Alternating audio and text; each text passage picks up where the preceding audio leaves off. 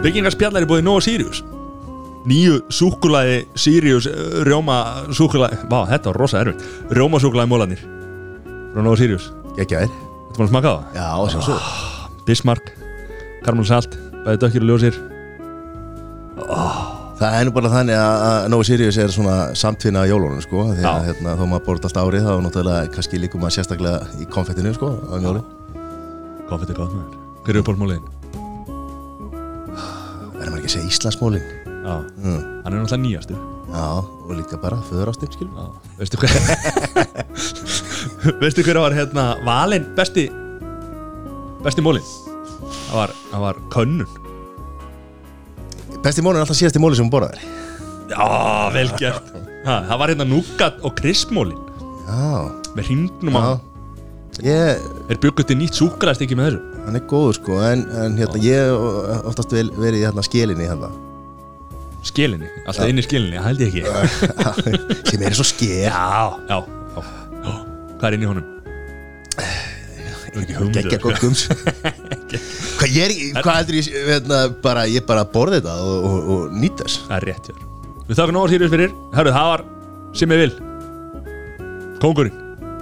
Fórum í rændýrin Já Bara gjöru svo vel. Gleðileg jól. Þetta er síðasti þáttur fyrir jól. Já, Og þessi þáttur er að koma út núna Því að við klúruðum síðustu viku. Við vorum allt niður um okkur í síðustu viku og, og hérna, að gefa út tvo þætti í þessari viku. Við skuldum. Við Skuldum. Hlustendum. Nú erum við konur á Já. og þá erum við búin að gera upp. Já. Það Við verður ekki fleiri þættir í þessari viku. Nei, og við erum að fara að gefa út hérna Það er uppgjör. Já. Uppgjör. Hlökku til. Komið í sæl og blessuð og verið velkomin að viðtækjónum Það er spekingar sem að heilsa Á rás 1 á, á, á ráseit uh, Ég mista síðasta þætti þar sem að Hrefna Sætra kom sem að er, er, er kanona í, í veitingagerunum en, en það breytir engu að því að við erum komni með aðra kanonu í veitingagerunum Það er svoleiðis. Sigmar Viljánsson, velkomin Sælir, takk. Fjölmiðla mógull, mm. veitingamógull mm. uh, og, og, og Hvað þýðir mógull? Er það, það er bara eitthvað sem er að gera stóra og góða hluti held ég. ok. Á ég játa einhverju þá varum við að vita sko. Já, Eh, við höfum kannski flettaði orðið upp sko. en, en það er, er mjög jákvætt orð sko. en, en fyrst og fremst handbóltamæður Já. Og eitthvað leiðilegasti handbóltamæður á velli sem að Það ég segir Sveppi Hann segir að hann, sag, hann uppljóstraði því um daginn að hann sagði að það væri leðilegur á velli. Já, ég er erfiður Já, já erfiður sagði hann held ég að það sagði Það sagði líka leiðileg sko. Allan heyrði ég það? Hvað viltu svara fyrir Nei, nei, ég bara tek undir það. Ég var mjög leiðilegur að velja Mjög leiðilegt að spila við mig. Ég veit það. Ég gerði svolítið í því. Ég var svolítið svona, veist Tók línumanninn og kleipa hann á þetta staði og svona, hann var pyrraður. Ég mætti nú einhvern tíma í einhvern leik fyrir einhverjum árum eh, svolítið mörgum árum hérna, með liðið sem hérna, hérna og spilaði við því Já, og hérna, þetta er örgulega góð 15 ár. Var ég þá í hraðlistinni hjá Val eða var ég Nei, hást í árbærum Nei, Varstu ekki á fylki? Já, við fyrir fjölni. Var það fjölni? Já, ég spilaði með fjölni og svo spilaði ég líka með hérna, kvítarítarinn, afturheld líka hérna. Oldboysin hérna.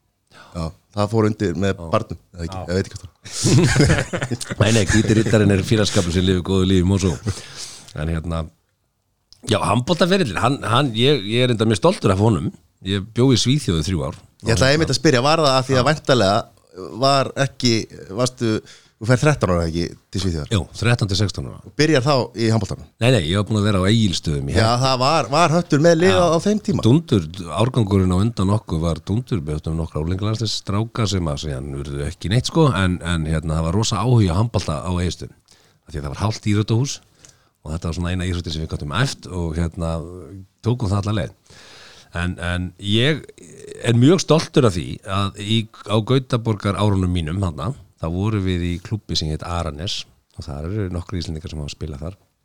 Nema hvað það fóru stað svona verkefnið þar sem er, er svona grunnskóla akademía, handbóltakademía og verndari verkefni sem var Bengt Júhansson sjálfur, Já. legendi. Og hann stýrði þessu verkefni og okkar liða valið og ég hef eftir undir honum áttasinnum og við fórum úr því að vera meðal klúpur í Gautaborg í að vinna Gautaborgarkampin og byrjunarliðið okkar var byrjunarliðið í, í lensliðinu. Uh, hvernig get ég útskýrt? Ísland er, eru fjórðungar veist, Östurland, Norðurland, Suðurland og svona. Svíþjóð eru 52 len. Og undir því eru miljónir manna í hverju Leni, eða þú veist, 100.000 og okkar lið var byrjunlið í, í því lið og við lendum í öðru sæti í Svíþjóð. Já, þannig að þegar ég flytt heim 16 ára gamall, að þá er ég í 20 manna úlingarlandslis hópi Svíja Já. þannig flytt ég heim þannig ég mjög, það er bara eh, þá fannst mann þetta einhvern veginn bara ekkert en, en þegar maður horfði tilbaka, vá, og hvað gerði ég með það? Ég flutti eistur og gerði ekkert og fór svo til Reykjavíkur og æfði með val og ír og, og hætti já, þú kemur náttúrulega úr ótrúlegri íþrótta fjölskyldu þannig að þetta er í, í blóðinu það ekki? Jú, allavega áhugi og ástundun er í blóðinu. Hvað Einar bróðin, hann var nú í handbólta lengi Einar? Ja, en hann var í körfubolta mest körfubolta og spjótkasti náttúrulega. Hjálmar bróðum var náttúrulega í handbolta. Hjálmar. Já, hann var í fram og Háká. Háká og þessum liðum og hérna. Já, en ég hætti þarna í handbolta með, þegar ég var í ír, þá var ég með Óla Síko og Óla Smæl og Óskar hérna, Já, hérna bara Óskar miðmaður? Ragnar Óskarsson? Ragnar Óskars, já, og hérna flottur hópur, rétt mista sveppa hann fór í fjölni þegar þetta, þetta var, sko en já, það var minn síðasti handboltaleiku það var fyrir hann ír, fyrir ír Já, en varst í einhverjum öðrum íþróttum? Já, spjóti, ég náttúrulega var í spjóti. Er það bara, er skilda Nei, það er ekki skilda en ég fór í spjótið og var alltaf svona aðeins að fykta við það með handbóltanum og svo fór ég á að linnþanga og um, já, já, kæft hún á landamestaramóti, ég var í landslinn, var í Sydney hópnum, hérna, lands- hérna með Völu Flosa og fekk silfuvelun á smáþjóðleikum, olimpíuleikum smáþjóða. Þá var ég tvítur og, og þá hætti ég líka, af því að ég var bara komið með ónýtt nýja og olbúinn í rugli og baki í vesinni og ég veist að ég nenni þess Já, mér finnst þú ekki búin að hampa þessum íþróttaferliðinu nóg hérna í gegnum tíðina. Ég, nei, nei, þetta er bara, veist, Under the Bridge, þetta er gammal Já. Og alltaf, alltaf áhuga á þessu Ná, og, og hérna, já, kemur hérna ferð til Svíþjóðar 13 ára. Og hva, hvað varst að gera? Hvað, hérna fer vantarlega með fóruldrínum hvað, hérna, voruð þið að gera þar? Sko, pappi var skólastjóri í mentaskólum að veistu og átti svona endur, svona sagt endurmentunar leifi inni. Og hann fór í endurmentun á, á sér og sínu fæ. Og hérna, og við vorum að þetta í þrjú ár í lengdumst og þetta eru bestu ár æfi minnar, segi ég eh, af því að ég kem frá eigilstöðum og eigilstöðar er ekki stórt samfélag. Og ég er nú fyrir fyrir það mikill persónuleiki. Þannig að maður var svona svolítið leiðandi í samfélaginu í sínum hópi fattiði. ég lagði ekki einelti en ég, ég var mjög stríðinn og, hérna, uppátækja samur var mjög leiðilegu við eldri til dæmis frekar en yngri. Þannig að ég var svona almennt talin frekar leiðilegt bann þegar ég til Svítjóðar og hérna og, og er bara sammála því. Og þegar þú tekin úr aðstæðum sem að þú ert algjörlega örugur í og settur í bara bekk með svíum og þú kannt ekki tungumáli þá lendi ég akkurat hinum með við línuna. Lendi bara því að ég var alltaf lagur í einhelti og ég var laminn af svíunum sem að þóldi ekki að ég gæti ekki tala tungumálið og, og þetta var erfiðasta ára ef ég minnar ennum leið besta árið. Af því að þú svona Lærið þér mikið bara. Já, þú fær bara pú, tusk í andlitið og þá var ekkert eitthvað verið að hugsa um tilfinningar. Fóreldra mínir ekkert að þeir í kynslu og núna þá að fara að ræða eitthvað tilfinningar þetta er bara svona, bara að gera þetta og, Komar í gegnum þetta. Og gerir þetta sjálfur. já, já.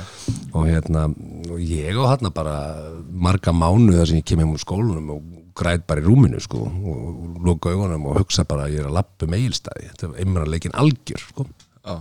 Langaði heim að hitta vinna já, blessaði verdu algjörlega, kunni ekki tungumálið. Já. og, hérna, og svo um leiðum að lærði tungumálið þá fór maður að geta gert sig gildandi og komist inn í hóp og svo fluttu við reyndar úr þessum bæ sem við byrjuðum að búi sem við Lindómi, rétt fyrir utan Göteborg í, til Únsala, í Kongsbakar rétt fyrir neðan. Og þá var ég alltaf farin að hérna, vera í skóla með eins og ég æði handbólta með því það var engin í íþróttum í þessum bæ sem við byrjuðum í. Þannig að þá auðvitað íþróttirna tengja mann vel. Hjálpa, hjálpa Þannig að annað og þriði ári var síðan bara bestu ár lífsmísa sem ég bara var orðin sví ég vaknaði og talaði sænsku og tala hann ennþá alveg reybrennandi eins og innfættur af því að þetta er náttúrulega þessi aldur þess að þú sígur allt í þig. Já, og gleymir ekkert og, Nei, nei, það er bara ótrúlegt. Ég er einmitt að fara til Svíþjónuna annan í jólum. Sónu minn er í handbólta þeir eru þrefaldir íslamistar í sínum árgangi og er að keppa hann á Norrlandamóti í Gautaborg, uh, milli jólun í árs. Og við papparnir erum að fara með strákana í, í þessi kefni ríkalega flottur árgangur í afturlendingu sem á eftir að vonandi að blómstra og verða svona undistæða Varst þú þá alltaf farastjóri á partille eitthvað eða? ég, ég, ég er svolítið þarna. Ég er svolítið liðstjóra pappin tek bakpókan, brúsana og peppa þá og svona. Hérna, vist maður er þarna þá er eins gott bara að vera þáttakandi því. Þannig að hérna, já, já, ég á það alveg til að taka það hlutverk að mér. En, en, en í þessum hópi eru rosalega flottir fóreldrar sem er að standa vörðum þennan þennan handbóltahóp sem að hérna, miðjustrákurum minn er í. Frábæra árgangur. Og nöfn sem þið eftir að sjá í, í, í án Eva í efstu deildi handbólta hérna heima. Þannig að það er gróska í kjúklingabænum. Já, og sko, fyrst þú tala um hérna, kjúklinga, sko, landslið aðlandslið í, í, í því líkum breytingum núna þar sem að vera að yngja upp og, og hérna, e- eitthvað sem var ekki búið að gera í, í 10-15 ár sko og þannig að það verður spennandi að sjá hérna, sjá, er ekki EM, frekar HM Sem EM, núna, það er já. EM, já. og líka var- flott hjá Gumma að taka inn Alexander Pettersson aftur þú þarft svolítið að færa keflið yfir reynslan og, og hérna ungstyrnin, þeir þurfa svolítið að blanda geði Það hjálpar bara til sko. Aron Pálmarsson, gamli kallir hann sko. En, en ég veit það ekki hérna, við, þurfum að, við þurfum að halda, halda okkur við í handbóltanum ég er svolítið þar. Handbólt er einhvern veginn svolítið Þetta, þetta kom svolítið, svolítið flatt upp á mann sko, því að maður er ekki búin að fylgjast nógu mikið með íslenska boltanum allana og þá þegar Gummi kom inn og, og kom fullt af nýjum strákum Já. þá allt í hennu bara, "Heyrðu, já, við eigum fullt af strákum. Já, og var farin að efast um að þetta væri eitthvað, haldast eitthvað framtíð sko. Já, já. Ég held að íslenska þjóðin hafi ekki byrjað að blómstra fyrir en að við hérna, losuðum okkur við svíagríluna já. og var það ekki einhver leikur hérna, hvort það var ekki bara eins og er átt að spila 7. júni eða eitthvað, spilaði hölluri og í unnu svíþjóði fyrsta sinn bara, ég veit ekki hvað sko þetta var 17. júni, ég man eftir þessu á því að nágranni minn Frans, hérna, uh, hérna Fransén, hérna Henrik Fransén hann var hotnamaður í sænskólarsliðinu við, við æfðum saman Já, ok. við vorum saman í þessari hérna, akademíu og fyrsta skipt sem hann kemur til Íslands þá kemur hann og skítapa fyrir Íslandi og við fórum út að borða kvöldu og hann var ekkert satt Þetta var þjóða sigur já, já, og við stegum til höfus og, og við fórum bara, og heldum að við getum bara keift upp Danmörk og allt bara og, og það endaði eins og það endaði. Mikael Fransén hitt hann ekki en, en uh, hvað, sko, nú hlýtur upp á sænski leikmaðurinn hlýtur að vera hérna Rannjas, Já. Hvernig myndir þú bera Ranjes Já, já. Ljú, Ljúbómir Rannjas hann náttúrulega, já, já eh, ég, sko, ég, ég held að Svíjar hafi lendið í sama á Manchester United að þegar Ferguson fór sem var hérna uh, okkar maður að það er bannað að tala um United í þessu þetta Já, já, já, ég er ekkert að tala í það. Það er erfitt að fylla skarðið Já. þú veist og hérna mm, uh, hann var svo mikill þjálfari hann var svo mikill hluti af liðinu ég held að nú voru að koma einhverja myndir af sko, hérna, Scott McTominay sko, þegar hann var bara 10 ára hliðin á Ferguson sko, þetta er alveg, hann var alveg með puttan í öllu sko. algjörlega. Svo hverjur hann er brott og þá það er bara erfitt, er bara Já, tómar það er bara þannig en, en hérna, þeir koma tilbaka. Já, já, ég var nú bara grínast að mætti ekki tala um það hérna, ég finn svo miklu United menn hérna við, Já, við eigum það ekki saman Nei, þú ert púlari. Já, samríkis með það. Ég, já, ég er bara- ég er búin að vera þjáningabróðir aðnara púlara í mörg ár. Ég, Mér finnst ég að skilið það að fagna í dag. Já, já, Já, Ég- er komin Já, Ég get alveg ég er bara tilbúin í að segja Ég get alveg sett mig við að Liverpool vinni, titilin á 30 ára fresti sko, það er í lagi mjög eitthvað Ég á miða að loka heimaleikin í mæ með, með sonum mínum og við ætlum að fara og það er hérna taka tvö, nú fer byggarinu ég er bara þar. Það er bara jinx og ekki jinx við bara Hver, erum Við hverju að spila? Chelsea. Já, já, þetta er næst síðasti leikunum tímuleg Já. já, þannig að ef að, ef að, ef að tillin er í höfn þá er byggarinu upp þarna. Já. þannig að ég, ég, hérna, góð setið ég verðar já, þetta er fínt, keipti þetta bara strax í uppaði tímabils. Nei, jú, ég, þetta er bara Þetta, skrifaði skín. þetta verður held ég alveg skotast Þetta verður ekki eins og jinxa þetta Þetta, þetta verður ekki eins og þegar þið þurft að fara þyrlur hann frá skaganum í, í Vesturbæin hérna, með byggarinn ég vona ekki, ég vona ekki. En ég var líka í vor, ég var á, á Liverpool, hérna Barcelona. Já. þá var ég á Anfield. Ok. það er bara unbelievable upplifun. Þannig að hérna, ég ætla ekki að fara Nei, ég ætla ekki að nefna að fara mikið var ég fein. Það Það er bara máli, sko, sama og með hérna, nú erum við orðinir eins og Liverpool menn voru hérna, Mm. að tala um fortíðina, sko, og 99 hérna, þegar United vann bæinn á, á New Camp það voru fullt af fólki í farni, sko, já, já, nefndi sér ekki 1-0 eitthvað bara á, þú getur ekki farið maður verður alltaf að hafa trúna Ég þekki menn sem að voru líka á hérna, Leopold Leifblas í Mílan og fóru bara út fóru á pöppin hinni með við og bara grétu fyrir utan að vera að komast Já, þeir eru ekki hleyft inn aftur. Einu sinni út, aftur, ekki já. Þetta, er ekki, þetta er ekki búið fyrir að svo feita syngur sko. Hvað er langt að milli Lester og Leopold? bara upp á þyrlum flugin það er ekkert svo langt. En, ég vil þetta spjalla að fara hérna. En, en svo hérna ef við höldum áfram með ævindýrum og, og sögurnar þá, þá kemur náttúrulega frá svæði sem að hefur alveg að sér marga eh, fjölmiðla já, nota það áfram? Já, já, Helgi Seljan og Andri Austurlandi. og Austurlandi. Já, hérna, Já, já. var, var, var, hvað hérna nú voru þeir nú voru þeir svona hérna rockarar og svona sko. Mhm. við erum samfélagið með náttúrulega skóla, mennskóla já, varst þú eitthvað í rockinu með þeir, hljómsveitu með þessi Nei, ég, ég, ég, er svona bara, ég kaupi pottitt plötur og, og fíla það sem að mér er sagt að fíla veist, ég er svolítið þar. En hérna, nei, ég var aldrei í þeim kultúr þeir voru klárlega þar en, en sko já, fyrir austan var mjög sterkur svona við, það voru, ú, voru með mentaskóla útvarp fjölmiðla voru okkur, það var haldið að okkur með miklum fjölmiðlum fyrir austan hérna byrjaði þú eitthvað í því strax? já, eða? já, og, og skólaútarpinu og, og, og svo byrjaði ég á Rás 2 með svona einslug í úlingaþætti á mánundaskvöldum sko, hétt ókverglu er voru æskan sem Andris Jónsson hérna fjölmjöla já, fulltrúi stýrið þeim þætti og hann fekk og toppa vinnmyndir að vera með svona einslug úr, úr svæðisútarpi Austurlands sem við kallum okkur kúmenbræður byrjaði þetta bara snemma? Já, Hvað? bara í meðskóla, fyrsta annað árið eða eitthvað.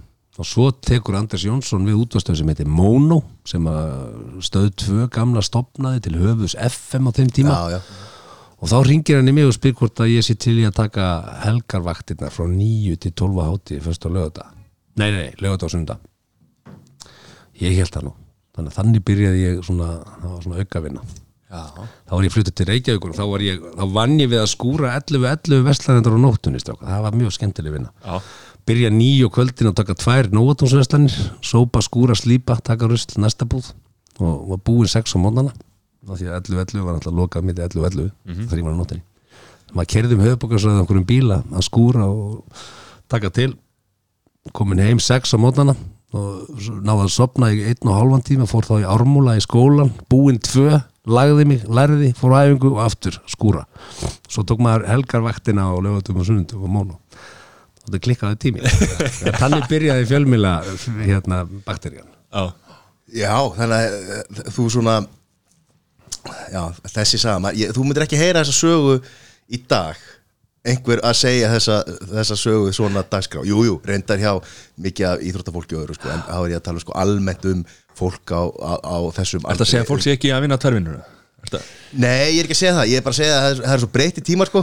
Og hérna fólk veit, eh, sko, ég fæ ofta á mig svona þegar nettröttin byrja ég, veist, í fyrsta lagi ef það kemur einhver frétt um eitthvað sem ég segi einhver staðar og þá einhvern veginn kemur eitthvað og þá koma nettröttin, já, hann veit ekki hvað hann tala um, þetta er minn silfi skeiði í munni sem er bara ekki þetta rétt, veist, ég flytt til Reykjavíkur upp í kjallara herbyggi skaftalíð og er að þrýfa 11-11 vestlæðandar á nóttunni skúraðar, geggjaði peningur til það nætuvina Já. þannig að ég gæti ekki, ég gat ekki fengið herri laun á þeim tíma með mentaskóla þú veist, en þetta er alltaf ekki líf Vinna nættunar Já, ég, ég er að först þetta skvöldi að skúra nóatúnsverslunin á laugaveginum og sé jafnaldra mín að fara á djammið maður er bara, hva, hvar er ég í heiminum sko? já, ég, aldrei verið minni í mér sko. það er bara, að, ég verð að segja fyrir, að fyrir ekki að flög í hausinn á mér það sem að það að Egil Einarsson segir alltaf self-made millionaire. Já, ég meina þetta er bara það það, það, það, það var ekki takt að fá meiri minni. Mm -hmm. og tveggja dyra Super og Djösti J12 með topplúi geggjaði bíl, bílaði aldrei. Þannig að þannig rúlaði maður í bæinn. það hefur verið flotti bíl á sínum tíma eða ekki, svona, Nei, nei, en- en ég, ég, sko, þetta, er tími þegar Honda Civic hérna, Já, og, já. og, og, þessi, og Nissan Sunny og, Toyota Corolla hatchback lúkið hérna, það voru aðal töffarnir sem voru þar. Já. og svo kom ég á Super og Djösti Það var hérna, var, hérna hann hérna Fjölni Þorgis og, og Pétur Jóhann voru þarna sko, og svo. það, var margi, ma flotti bílar í gangi. En hérna Subaru Justy fyrir þá sem vita hvernig sá bíl lítur út og þá áttu ykkur að því að hann seldist bara út á landi. Þetta var bara þetta var bara traktor, þetta var bara lítill smábíl sem var fjórhjóðadrifin, hann festist aldrei. Já, og ég, svo ég, réttur að hann sökk ekki einu sinni í snjó. Ég verða við ekki það því ég er nú ekki síðan í, í, í 30 ár sko, að, hérna, ég var að hugsa um einhvern annan. Meira svona Nissan Sunny. Nei, þetta var ekki Subaru en að þetta, var ekki- er GT sko. Þetta er líklega, eh, veist, þetta er bara hræðilegu bíl En með topplúðu? Já, með topplúðu Toppa Það, sko, Subaru hefur svolítið átt landsbyðina Já, já, með impressu, fjórhjóladrifin og svona, það hafi verið vinsælir og, og, og bila, bila lítið sko, þannig að sko og ef þú ert algjör töffar út á landi þá áttu Camaro eða Transam. Með svona eldingu á hóttinu Góði tíman já, og ég man eftir, eftir nefnilega Mono sko. Mm. Hvað, er við, hvað, er, hvað er ég gammal á, á þeim tíma? 12 ára, 10-12 ára auglýsingin, var það ekki hundurinn að lappa já, og, og svo er einhver plötuspilari sem að, og svo endar þetta einhvern veginn í, í óæðir eða sem sagt kemur plötuspilarin úr úr rassinum? Rassunum á Eða ekki? Jú, jú, jú, Já. eitthvað svoleið sko. Þetta er Mono. Mono. 8-10-7,7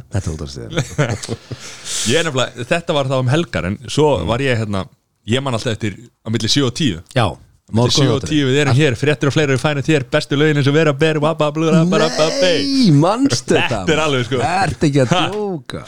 Ég var að vinna í bónus á þessu tíma og Við vorum alltaf með hennar þátt í, í hérna.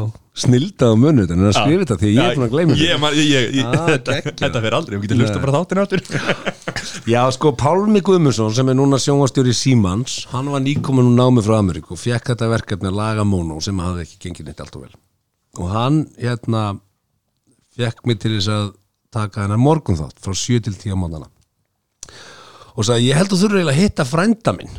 Þetta er Jói. Þannig kynnist við Jói í rauninni að, að, að Jói er frændi Pálma.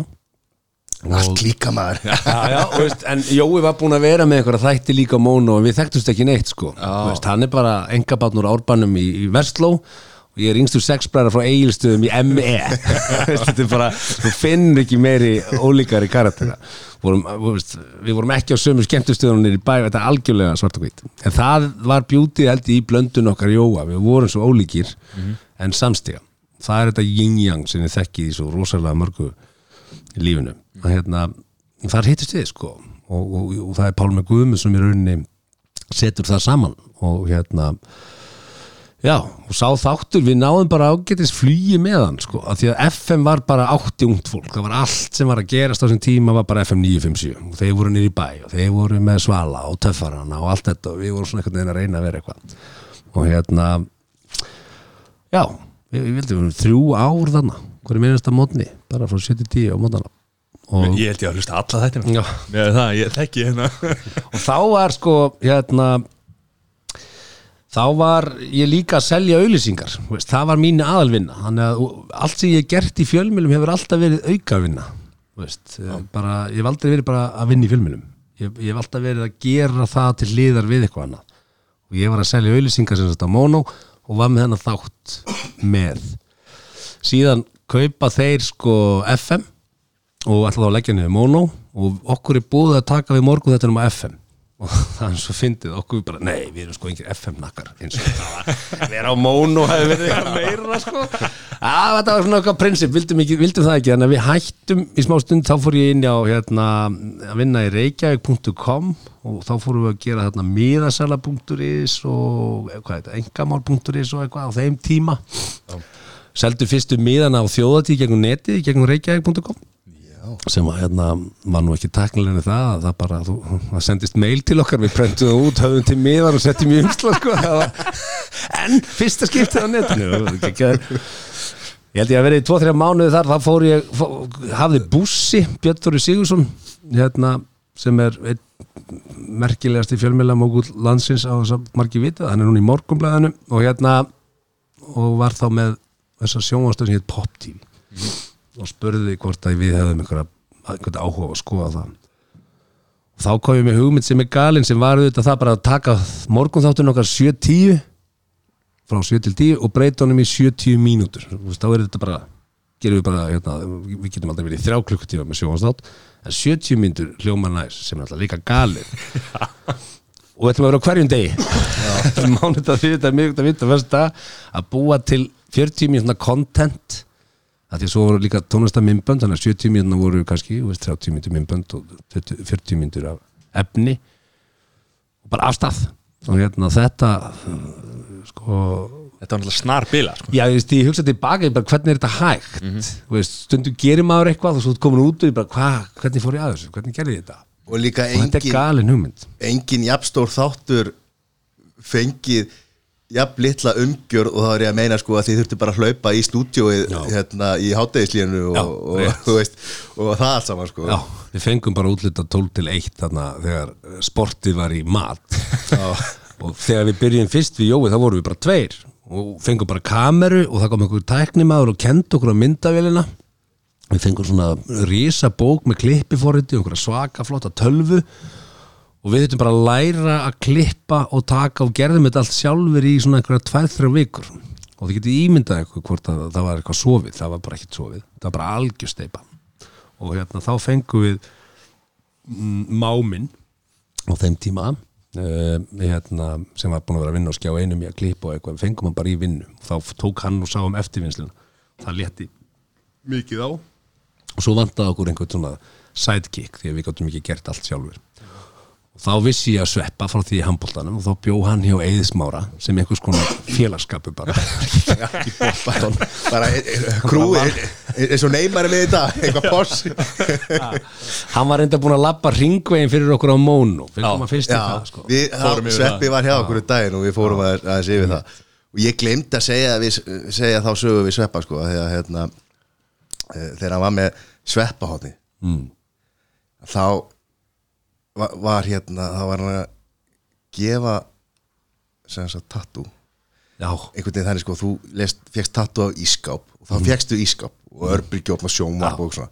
Leikum með Ormsson mann ég seldi held ég þess að Ég, ég hérna, þú veist var á þeim tíma 16 ára var nýbúin, þetta var sumarið hérna, eftir tíundabæk mm. og alltaf að nú aldrei að fá einn húðflúr. En ákvaða að skrifa hérna gott bréf. Mm.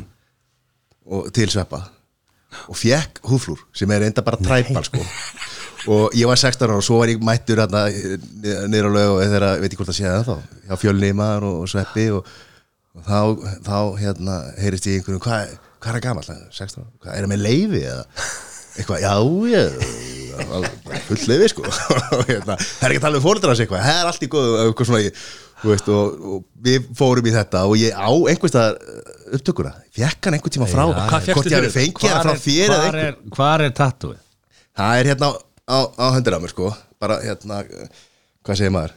Bísefnum Já, Hvað fyrstu fyrir þetta? Heyrði, ég hérna fekk náttúrulega 15 mínútur af fræði. Mm. og þetta var tekið upp sko hérna og ég, þú veist, þetta var áður ég fór í mentaskóla sko. Og var þetta allt sem hún fyrst það? Já, bara, Akkur settur ekki ískap á þig bara lögbrót sko Þú hérna sáttu við tattooið í dag? Já, þú veist, eins og þeir sem hafa fengið sér tattu þú tekur ekki eftir þessu sjálfur sko bara hlutaði sko. En hérna, þetta er bara, og svo var þetta myndbandi var syngt í þrítu samanlega mínu held ég. Og hérna og, og þá svona sko einhvern veginn mamma og pappi vissi aldrei hvernig þetta tattu hefði komið til. Sko, og, og bara, og, og þau sögðu þá í ammali býtu nú við, ég man ekki eftir að hafa ekki leiði við þessu. Ég er ekki með tattoo. Ég gerði eina heiðarlega tilinn til þess að fá mér hana. Ég var búin að vera að teikna sjálfur sko tattooið. Ég sapnaði penning og hérna var náttúrulega bara á eiginstöðum og svo var farið í, í borgarferð. Þá fórum við stundu stákarnir stundu bara kerðum við. Þú veist, að första skvöldi það var ekkert um að vera fyrir austan bara, ykkur það hvað, klukkan er nýjum kvöld, ekkert mál. Við erum kominir klukkan þrjú í nótt tjekkum okkur inn á loftleiði svoum út, vöknum 11, hendum okkur í brekkara förum í bollagala, köllum það og farið í 17 að kaupa sér jakkaföt, það er bollagali og förum á djamma og svo djammuðum við og svo kerðum við lögðum að staða hátíð á sunnundegi heim tilbaka og komnir klukkan 8 um kvöldið eða 9 um kvöldið. Það var svona, svona tókum við svona helgi.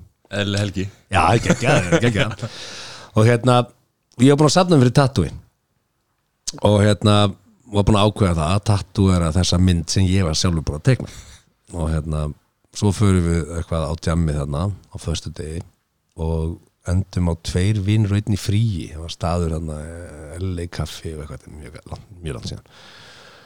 Og ég eyði peningum á barnum þannig að daginn eftir að ég hef ekki efn á tattúi. Og ég er svo þakklæður því að ég á þess að mynda þessu tattúi en þá hann er skúfu Já, og nú er ég að sína svonum mínum þetta. Þeir eru að minna hvað ég tattúi bara þegar stóri? Bara flott. Og bara tekur þá yfir ákvörðum þetta um tvítu sko. já Þú veit heppin að þetta hefur á þeim tíma því að í dag eru bara ekki smálán sko. Já, já, já, já, það, allir hafi ekki gert það. Það er. Renda og renda og borgaði þér 300% vextir eitthvað ég held að S24 hafa ekki verið komni þarna. En hérna ég síni þeim myndina sem að ég Stákar, hefðu þið viljað að pappi verið með þetta hérna á upphandlingum? Nei, þetta er ógæstlegt, já Nákvæmlega, er þetta var töff þegar þið langaði í þetta, sko. En það hefði samt er cool að því þú teknaði það sjálfur sko. Mm. Þetta er að- þetta Ég veit ég, hef alltaf þetta að útskýra Já, nei, þetta er nú bara eitthvað sem ég teknaði sjálfur og, Ég nenni ekki að segja sig alltaf og réttlætt eitthvað sem ég- Hvað var á þessu? Þetta er bara svona ringur, þetta er bara ljótt. Svona ringur, eitthvað svona dræbal Eitthvað svona ekki bjarkartattu en samt einhvern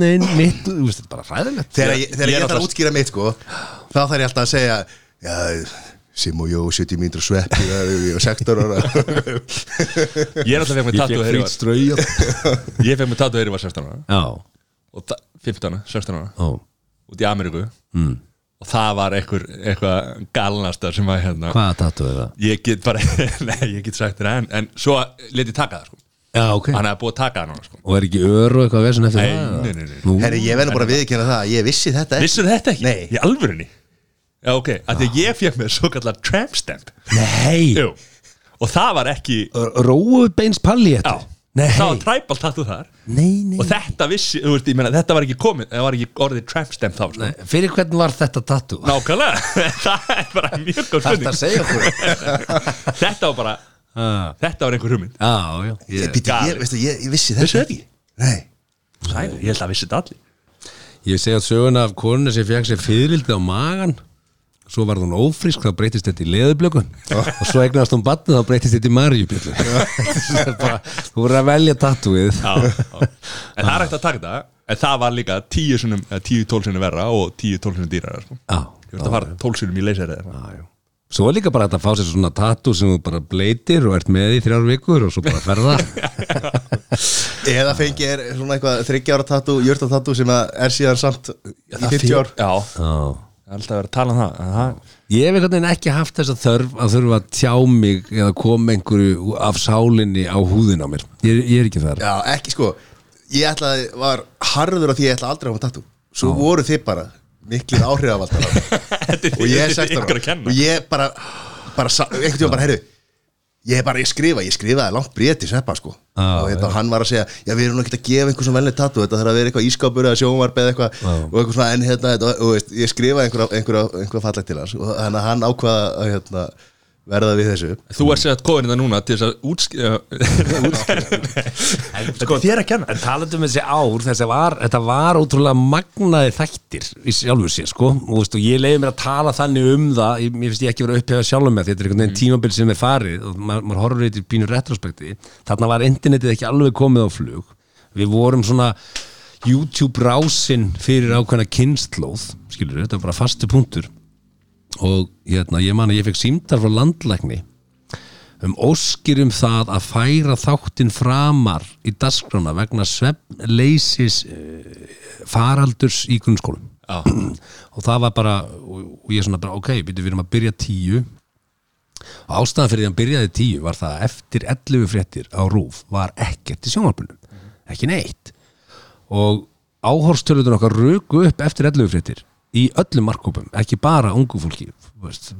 Fóreldra voru að horfa á meina þætti. ég var að horfa á þetta með mömmu sko.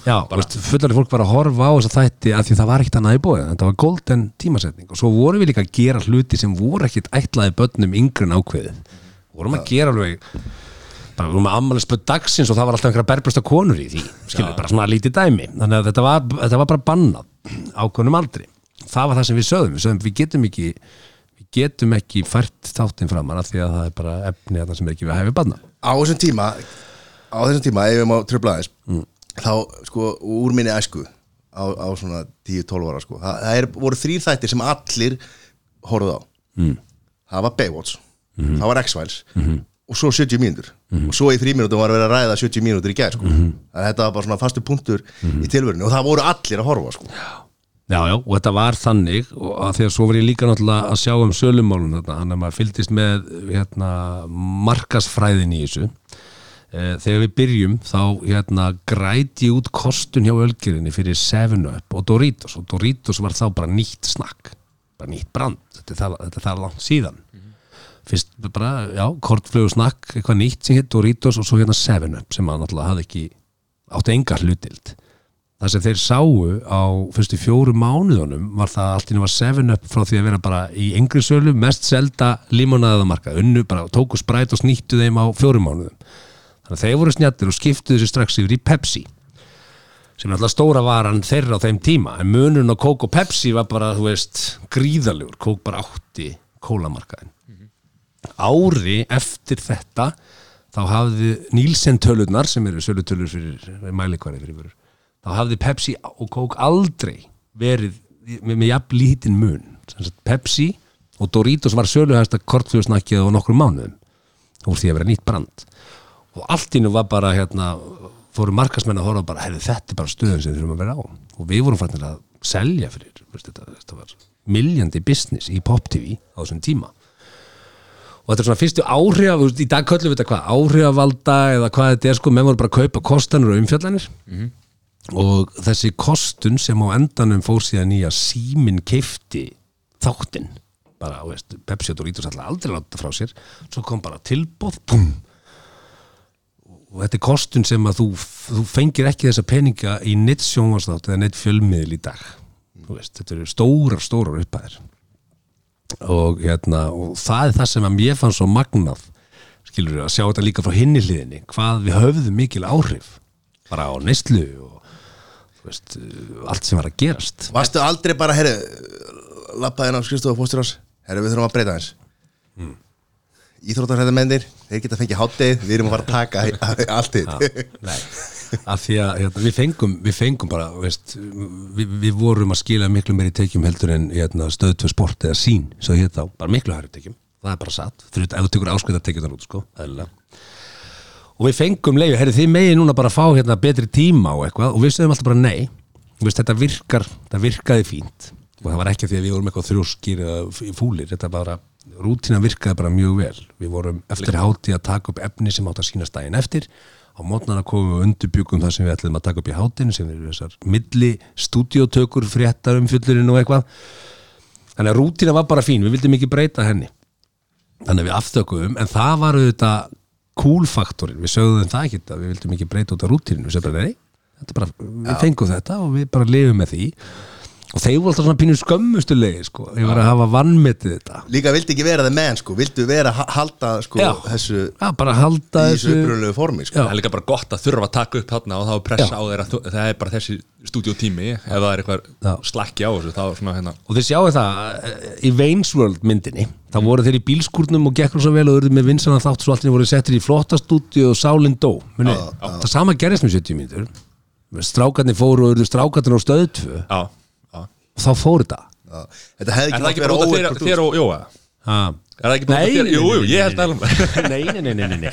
því að sko hérna, og það sem ég var sorglegast í það að þetta hefði geta verið þetta færiband eins og Saturday Night Live og allir þessi sjó að þetta hefði geta verið stökkballi fyrir unga þú veist, að því að við Jói byrjuðum hann Sveppi kemur inn, hann hægt og rólega vex upp í starfinu auði áreiti mig sko alvarlega í marga mánuði uh, á djamminu hinga og þangað og vilja komast inn og vilja komast inn, við tökum hann í pröfur hann sanna sig klárlega, hann kemur inn Jói fer út, ég auð og sveppur með þáttinn. Pétur Jóa var þá búin að vera að byrja eitthvað í útvarpinu og ég fekk hann í pröfu fyrir þátt sem ég ætlaði að gera á stöðtvu átt að taka við að Gnarrenburg sem var vist algjörð flopp. Nú, já, já. og hérna og það funkar ekki þannig að ég fekk Pétur í að koma inn á Pop TV og þá gæti ég farið þá eru þeir öllum þrýr skilji, og svo hefði Sveppi geta farið einhver nýr komið, þetta hefði geta orðið þetta færiband og ég, svona, ég, ég er pínu svektur yfir því að það koncept var síðan bara tekið og breytt í strákarnir og svo bara Já. En tölum að það því við hefum nú fengið auða og, og reynda að sveppa líka mm. Þetta var hann bara hvernig var hann að, þegar hann hérna, og hann hefur líst í sjálf, vældi sig inn?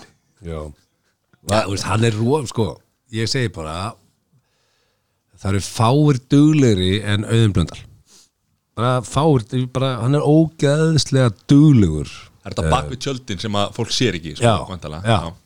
og hérna hann er rosalega fylgin sér það er að segja, veist, ef þetta er ekki nóg gott þá bara gerum við þetta aftur og hann er mjög já, hann er bara einn duglegasti fjölmjölamæður sem að ég þekki. Og það kom bara fram í þessu veist, hann ætlaði sér eitthvað, hann vildi það.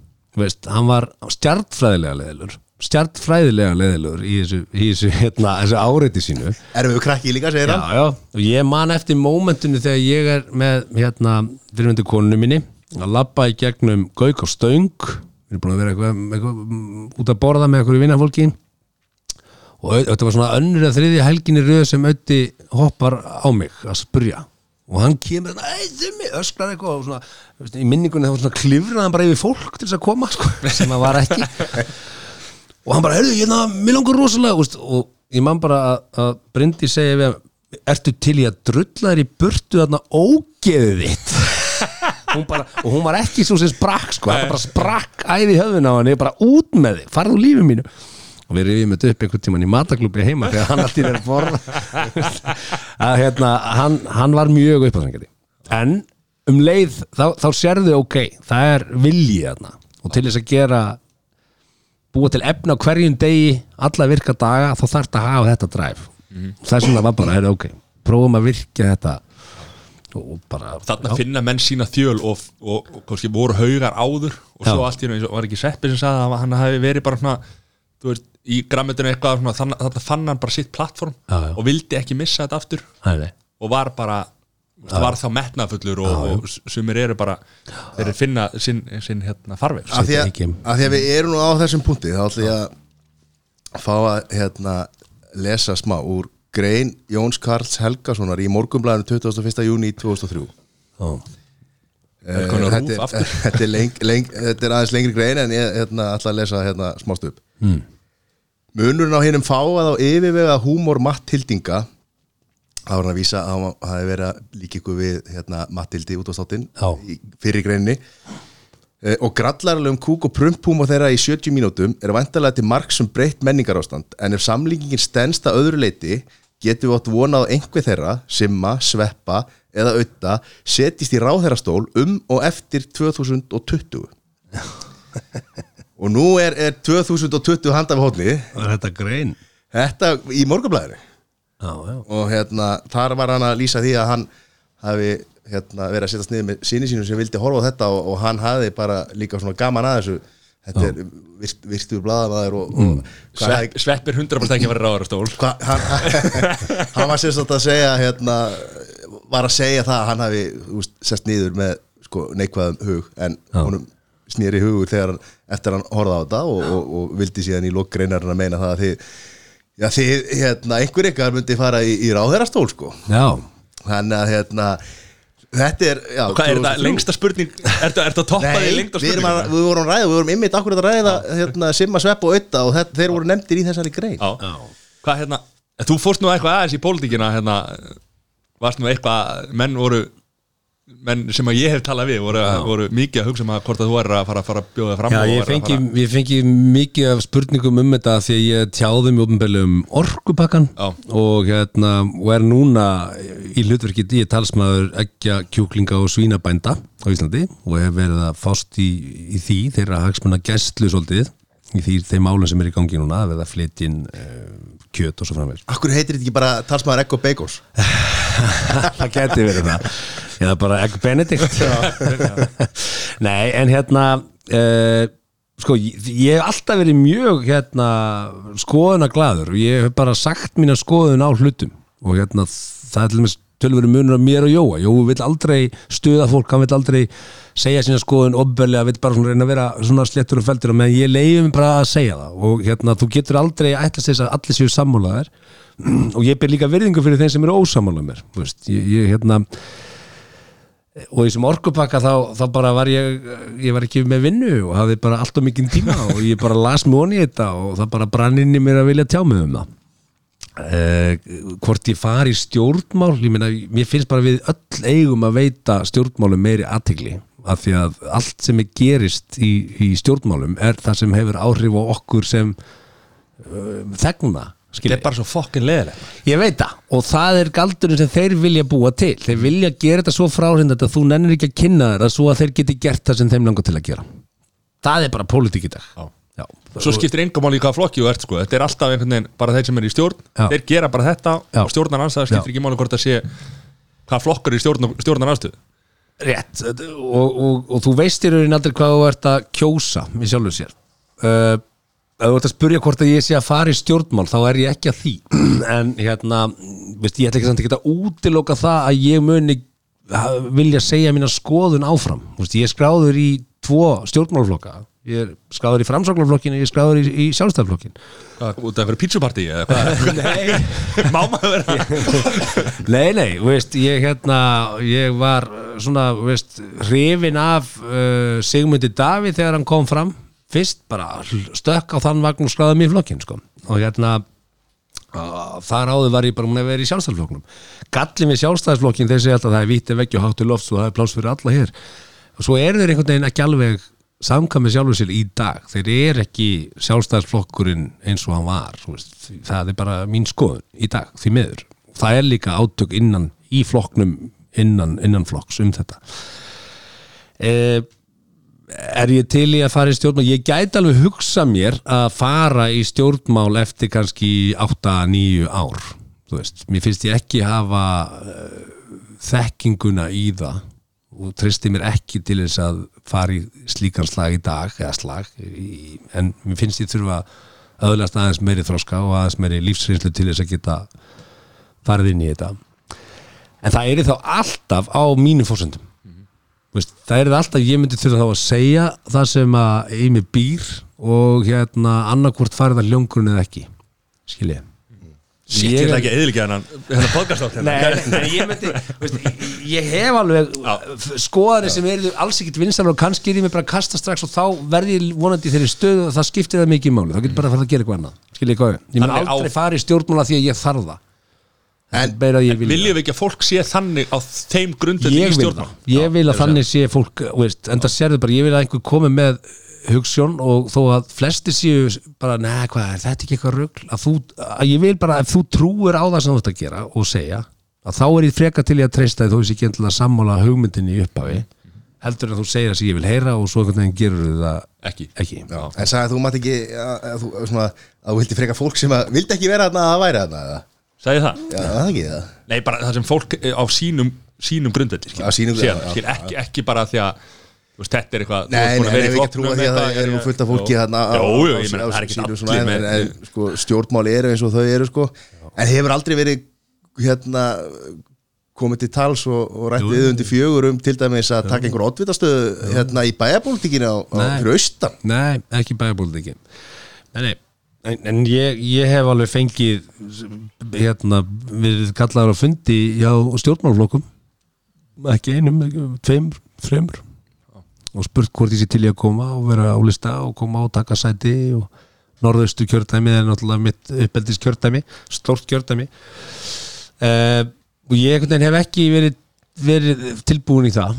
Fyrst og hérna að því að ég bara, mér er ekki sjálfur tilbúin í það ég á bara ákveðna hluti eftir að gera. En hérna mér er að skilja grættu með eina pælingu e, e, bara í stjórnmálunum. Það væri mjög áhugavert að sjá þingmennina á þing í dag að því að við eigum að vera þar með þvers, þverskur þjóðarinnar. Veist, besta upplegið í líðan er að þú ert með þverskur þjóðarinnar. Þú ert með hámentaðan verkfræðing bland við ómentaðan verkamann. Veist, þa- þarna, þarna þurfum við að vera. Fá blöndu og insýn allara í málun það væri mjög áhugavert að sjá hversu margir þingmenn á þing í dag hækkuðu í launum við það að verða þingmenn. Skiljiði? Já. þeir fóru úr einhverju stöðu, urðu þingmenn og allt einu eru launin orðin herri og, og þeir eru komin núna bara, hei, þessi lístill er góður. Það er líðræðislega hættulegt líka af því að þá eru þau í atvinnuviðtali ég er hann að halda í þessi kjör sín til þess að þurfu ekki að fara aftur til, í gamla starfi skiljiði og aðri í svoleiði stöðu er kannski tilbúin í að gefa alls konar fólki lofurð um alls konar hluti. Af því við tölum um spillingu þegar ríku, ríka fólkið er að mismuna eitthvað. Þú getur líka verið með gróðast yfir spillingar ef að, ef að þú ert með mannekju segjum kennari sem verður allt innu þingmaður fer úr hérna 490 skallinum í, í 890 pluss veist, miljón pluss í laun. Hvað er hún tilbúin í að gera til þess að gera til þess að halda jobbinu er hún tilbúin í að vera ekki sangam sjálfur sér og gangi í flokkslínu já, er hún tilbúin í að gefa einhver lofur og reyna að beita sér fyrir einhverjum hagsmunaflum til þess að fá þetta fylgi, já, skiljið Þannig að þú vilt ganga halda kjörunum ég þannig. Held að það sé rosalega margir á þing í dag sem eru, hvað, er, eitt og hálft í kostningar eru í atvinnuviðtali fram að kostningum næsta eitt og hálft árið og það gerist ekki til stjórnmálunum þangað til. Þannig að ef ég skilir rétt, þú vilt halda kjörunum þannig að, að, hérna, að það séu sko á því bili að fólk er kannski að fara í þetta í þá fjögur eða átta ár uh, svona að hugssjón Hmm. en, en líf þeirra er ekkert að breytast neitt, neitt. Það að vera á þingi og ekki að vera kjaramál. Það að vera hugsunamál og ég hef lagt fram eina hugmynd viðræðana, það er langt síðan viðræðana síðast. En ég segi bara tökum sér dæmi, tökum bara verkfræðing í landsvirkjun þetta er bara maður sem er með 1,3 miljónur á mánuði, rosalega klár duglugur, hann á sinn Volvo, hann á sitt fína hús bara, bara modest maður, við vitum ekkert hvað hann heitir hann er ekki að hafa sér fram í neinstæðar hann er verkfræðingur, hann er kassalegar Ja, kassalega, hann er klár og hefur kannski fullt í málanleggja af hverju ætti hann að vilja fara inn á þing? Hann gæti lækkaði launum að því að kjörin er ekki þessumum uh, með því að fara á þing þá er búið að koma í þannig fyrir að hann þarf að ofinbera allt sitt í sínu lífi. Hann þarf að opna allt sitt bókat, allar sínar eignir þú veist, eh, þarf að uh, konan hans og börnin hans er allt í náttúrulega skotspót fjölmila af hverju ætti hann að vilja stíga inn í þennan heim verandi í bara þeirri stöðu sem hann er í dag? Þannig að ég segi sko við erum að halda frá fullt af færu fólki í að vilja bara taka þátt í þessu af því að við erum búin að búa til hennar sirkus sko. Er það að skilja hvert til að já. hvað var það kjaramálin þá segi ég, mér finnst ekkit óeðlilegt að þegar þú verður þingmaður þá færð þú sömu laun og var í fyrirstarfinu pluss einhvers konar álag og það má alveg vera launamunur á milli þingmaður ég er bara þar. Mér finnst það bara ekkert að því. Mér finnst óeðlilegt að einhver 21 ás aðili sem að datt inn á lista pírata og þeir unnu óvandan kostningasigur 21 ás pjakkur er á sömu launum og, og 55 ára verkfræðingur sem er með alla þessa reynslu skiljiði, það má alveg vera launa launamunur er ekki það samál mismunun það er ekki, það er ekki sama hugtakið. Af því að við þurfum að fá meira af eh, venjulegu góðu fólki inn í þetta. Við skulum ljú, ljú, ljúka pó, Já. pólitísku umræði á, á, hérna, ég ætla að taka þessa grein Jóns Karls og, og hérna fara, ég fara eins lengra með hana. Ég spái því að Simmi hérna, færi ráðurastól og Svepp og Ötti verið aðstofa með ráðherra. Veit ekki hvernig það endar sko, en það gæti en sko, ein pæling hérna, nú bara slútu þessu stjórnmála hérna, bara frábært en, en hérna nú ert þú bara með það hérna sko, þann stimpil á þér að vera bara einhver, einhver svaðalasti bara sem að maður hefur heyrt sögur af sko. hvað, er þetta bara eitthvað náttúru Þú veist, að því að maður, eins og þú varst að segja á þann þú varst, seldir Orson hérna, tattoo pælingar hérna og Já. svo seldir hérna, Doritos eða sett Ölgerni þá eða Já. Egil, Egils hvað hétt þetta þá? Já, Já, Skaftason, já. já. Þú veist, hvað hérna hvað kemur þetta? Já, ég, það, það er rétt. Ég, ég er sölumæður, ég hef ekkert skilgrönd með neitt annað. Ég held í rauninni erum við öll sölumenn. Við erum alltaf að reyna að selja eitthvað sko. þú, þú ert að reyna að selja þína hugmyndum um, sem eigum að við konuna þína, þú ert að reyna að selja, skilur, Við erum alltaf að reyna að selja eitthvað. Menn er misgóður í þessu. Menn erum misgóður í því. Að hérna já ég bara hef fengist við þetta lengi og hérna einn besta sölu hérna leksjan uh, hana lærði ég því ég vann í sportkringlunni eitt sumar. Já, og hérna það er líka svona mjög fyndið, ég kem frá eigistum og fá vinnu í kringlunni var bara eins og einhver sigur bara, vá, ég er að fá vinnu í kringlunni. Þú veist, ég, ég verið að keppa við alla í Reykjavík sem sóttum og ég vann. Nei, nei, það var enginn sem það veist, bara að fá að vinna í kringlunni var bara æðislegt fyrir eigistum að búa mig. Nema ég vinn þetta eitt sumar og, og hérna, mér er mjög eftirminnileg þessi heimsókn eldri hjóna sem kom frá Selfossi. Og ég segi, já, get ég ég er hérna að kaupa fyrir barnabarni mér langar til að kaupa hérna Manchester búning og við vorum að selja Manchester búninga nema þeir voru ekki ekta. Það voru þessar replikur sem við vorum að selja. Og Marathon sem var vestlun, írutarur vestlun og annri hæðinni, þeir voru með ekta. Og svo já, herðu, sko, hérna, við erum hérna með búninga, þeir eru ekki ekta. Eh, er það í lagi? Nei, hann talaði mitt um að hann vildi ekta búning. Ég er svona, já, ok, ok, herðu. Hérna á annari hæðin er verslun sem heitir Marathon og þeir eru með hérna ekta búningana skulle fara þangað og, og, og græja þetta. Þau bara, já, takk fyrir það. Og þau fóru, eigandi búðarinnar kom brjálaður, hvað er að þér? Ef þú ætlar að vísa öllum viðskiptavinnunum hérna til samkeppnisaðalans þá getur hann bara að loka þessari búð, hún kann selt þeim bara bolta eða selt þeim hugmyndin að einhverju öðru. Og ég svona fekk pínu samvinskupið yfir þessu sko, að hafa brúðist atvinnureikandarinn mínu svona og, og hérna. En, en ok, gott og vel. Helgin eftir þá er ég að afgreða skó. Og þá kallað "Hey, sem ég það hérna, þau vilja að þú afgreði þessi, já, ég er að koma. Afgreði skona, kem þá er þetta þau. Og ég mundi eftir þeim að því að þetta hafði áhrif á mig, þú manst, þú veist momentið þegar tilfinningarna og ég bara, hei, hæ, hvernig fór ammalið eitthvað svona herðu, þetta var bara alveg frábært og ég ætla bara að segja þér að segja kallinn, ég bara þakkaði fyrir góða þjónustu, þannig ekki oft sem hann er vísað út úr búð og til annara og eitthvað og ég bara, já, ekkert mál. Og svo hugsa ég bara, jú, ég fá þetta. Það var þessi ég hugsaði inn í mér. Svo segja, herru, við erum að fara að labba laugaveg. Okkur vantar gönguskó og fatna og stafi og ég seldi þarna fyrir held í 110 skall. Sem var bara svona eins og 30% af dagsölunni á þeim tíma, massífi penningur útfóruði, ég er með nótuna ég fyrir på skrifstof til Einars eiganda, banka og hann bara, já, serðu þetta? Wow, þetta er engin smá sala. Þá sagði, já, þetta er fólki sem ég sagði að fara að kaupa mannsættibúningin í marathon. Og þá kom þetta tröst skilu. þau treystu mér af því að þau voru greinlega búin að ákveða að kaupa þessu útvistafann hvert faraðu, herðu gæðin sem að, þú veist, þú, þú, þú selur ekki fólki sem þú þarf að selja þú selur fólki sem það þarf að kaupa. Skiljiði og þú ert aldrei mældur á því hversu mikið þú selur heldur hversu oft selur þú saman mannum aftur. Það er góðu sölum ekki bara ég seldi fyrir þetta í mánuðnum ok, er komið aftur? hverju kom aftur? Það gerir það góðu sölum.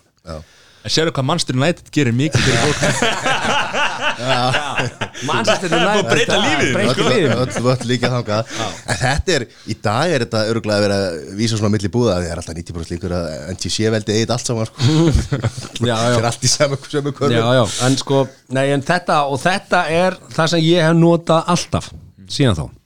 Og það er líka við um veitingareksturinn sem ég er í. Það snýst ekki um það hversu mikið við seljum núna hversu margir koma aftur á veitingastæðin þú veist, þú ert að horfa það því að við erum í 360 manna samfélagi og, og ég er með 130 manns í sæti.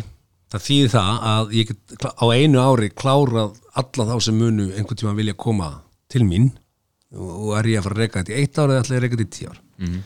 Og, og þá þáttu bara að pinpointa hvað er það sem gerir það verkum hvað þarf að vera í lægi til þess að fólk komi þá aftur. En er ekki á margir í þessu quick fix og, og, og græða hratt og, og er ekki, Jú, þú veist það, veist, í veitingarekstri sem dæmi eru rosalega margir sem fara að búa til eitthvað, það verður rosalega vinsalt á, á fjórum, fimm mánum og þeir eru búin að kaupa sér eins og þess taka peningin út úr félaginu Sástu bílinn fyrir þannig ha, nei. nei, ég er að segja veist, þ- þetta, er ekki, þetta er ekki þarna veist, og hérna ég hef allavega reynt að nálgast verkefnin sem ég fer í með langtíma hugsun í huga skilur. þó að ég get alveg mögulega selt áður en langtíma hugsun er fullnægð skilur. Og þá ertu líka bara með góðan rekstur.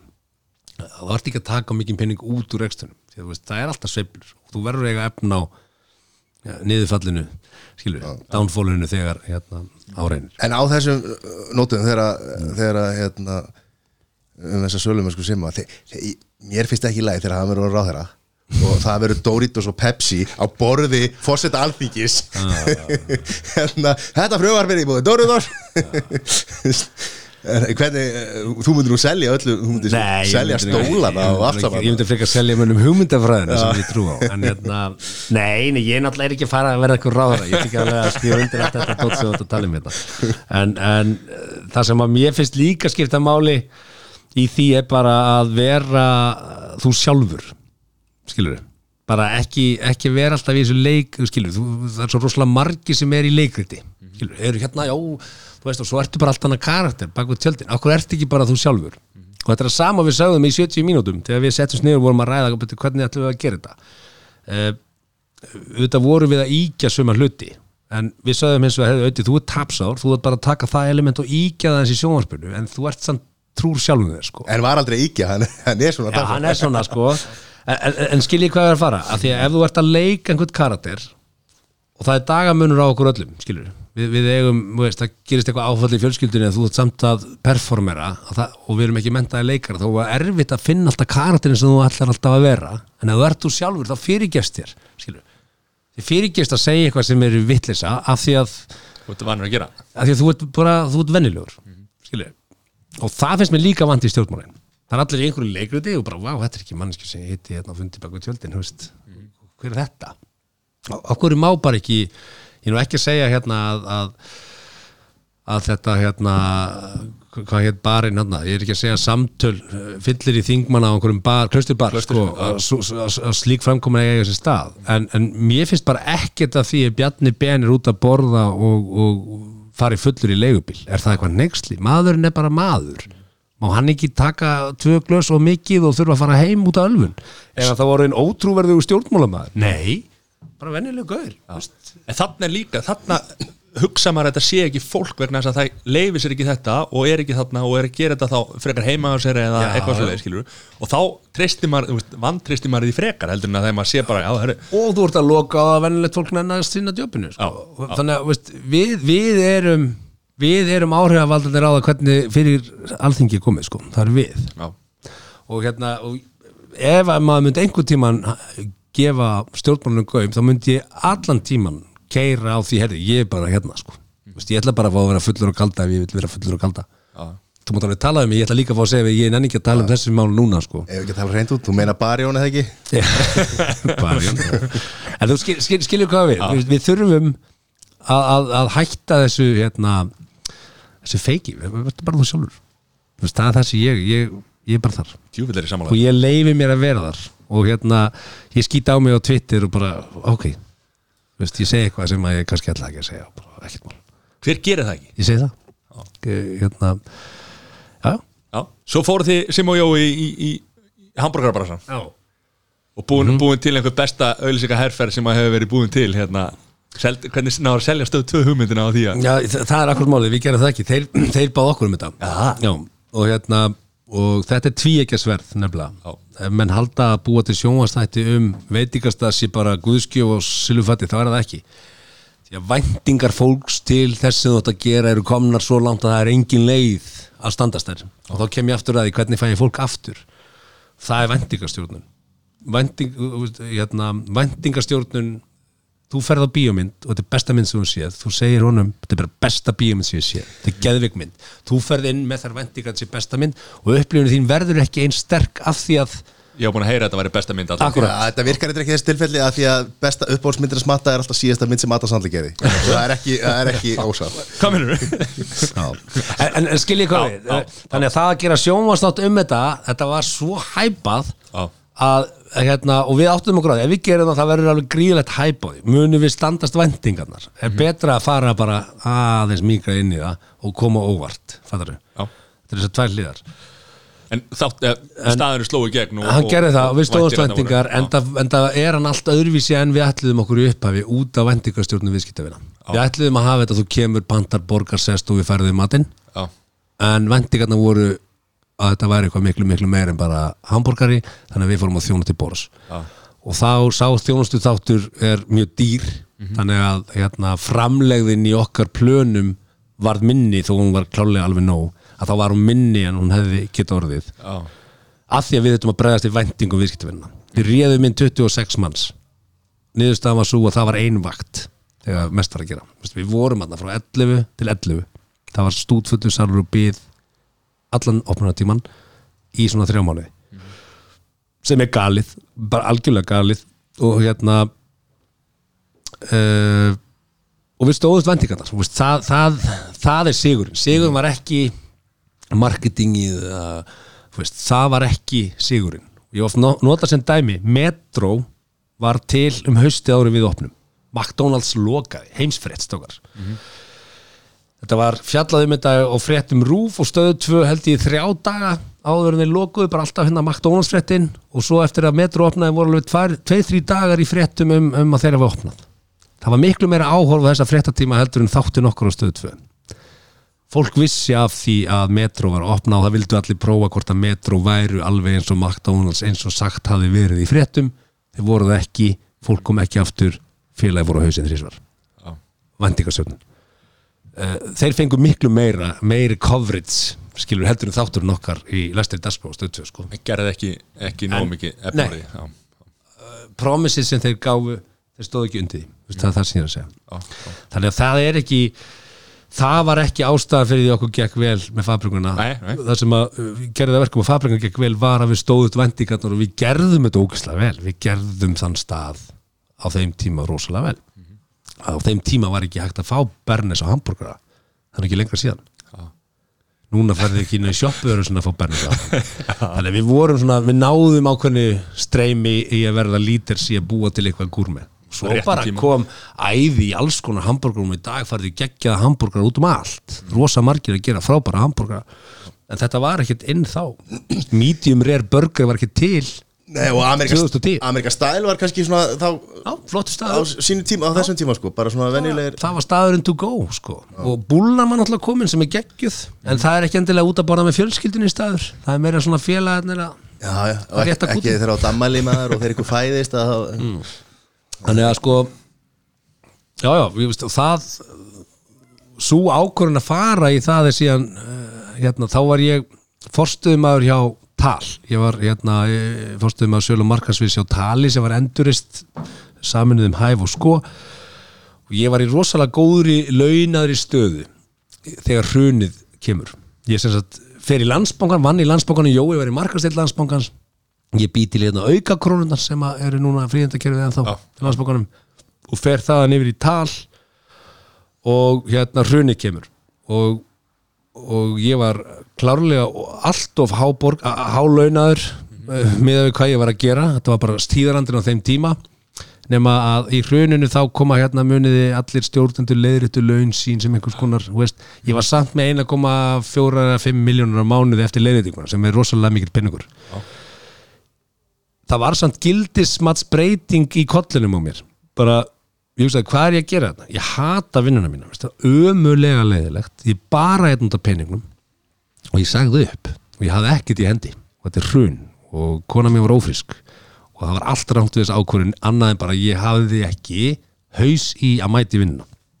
Gildismatsbreyting, mér langar bara að gera eitthvað sem var fönn að því að einhvern veginn skiptu í hrununni skiptu peningar allt í einu bara engum máli skilju, ég var ekki með ég, ég réði við húsið mitt að ég var ekki með þessi erlendu lán sem að voru langt umfram og veist, ég var ekki í neinu ruggli þar. Þannig að ég gæti tekið þessi ákvörðun svona nokkuð yfirvegað en ég hugsaði bara að ég verða að fara að gera eitthvað sem er gaman. Það er, það er ákvörðunin það er aðdragandinn að fabrikunni af öllu. Já. við vorum með útvastátt á bylgjunni við Jói þannig að við höfðum ákveðna einkomu þar. Annars bara hugsa ég hef sex mánuði hérna á launum við að finna næsta gig. Og hérna og eitt kvöldið þá bara ringdi ég Jói og sagði, er ég með þetta, við opnum hambúrgarastað hvað er þetta fullur? Hann, var, hann held vinnin í landsbókarna sko eftir að uppsagna hennar sko. En nota benni, hann var á markastild og æsi var í gangi. Gangi vel að leiðrita það. En hérna hann sagði eftir fullur, nei, og ég meiri sér að í fyrsta síndur segi, við bara, þetta á að heita Íslenska hambúrgarafabrikan sagði, allt og langt nafn. Já. sagði, nei, þetta er svo langt og skrítið nafn að þú heyrið einu sinni, þá manstu það af því að þetta er svo absúrt. Og svona hægt og rólega þá bara var þetta niðurstaðan sko. Og það, hún gekk bara út af það eitt að þetta átt að vera skemmtilegt. Mm -hmm. viðskipta áallunin var ekki þannig að við verðum ríkir bara, veist, þetta snýrist ekki um að verða ríkur, þetta snýrist um að gera eitthvað sem er skemmtilegt. Eiga efna að lifa og, og hafa gaman. Já Og þar kemur kannski hinn leksíðan sem ég allavega hérna, hef tekið út úr lífinu að það er, ef að markmiðið er að verða ríkur þá tekstir þetta ekki. Já. þú veist, þú verður að hafa passion fyrir því sem þú ert að gera. Því að þú gerir það, þá setur þú mikinn tími í það. Og þú setur mikinn tími í eitthvað þá eru góður í og þú góður í einhverju þá skilur þú góða verki. Mm veist, það, það er, og ef þú gerir eitthvað sem er gott að þá venjulega gengur það upp businesslega sko, mm þannig að hérna, þannig að þú mátt aldrei hafa það að markmiði að, að þú setja að fara að græða peninga. Svo er þetta náttúrulega að vera gaggrinni á sjálfan það líka og taka ef þú ert fastur í einhverju búblu og heldur að þú setja mega sko, algjörlega. Og, og, og, og það lærði maður líka í fjölmilum að því að það er engin verri kritik en bara fólkið þarna úti, skilur við þú lest um því gaggrin í blöðun þú ert að hafa skrápin í það að hleypa henni líka inn og taka marka á henni og vera tilbúin í að breyta þá þú veist. Og eins og núna opnuðum bari og núna 30. november í Mósfjörnsbæ og, og, og þar er maður bara á gólfinu að tala við viðskiptavinna til þess að fá þetta beint í æð og ef við gerum mistök sem og við gerum að þá bara heyra ok veist, og taka niður nótur og læra því en ekki að fara að afsaka það og réttlæta það og gera svo ekkert í því sko.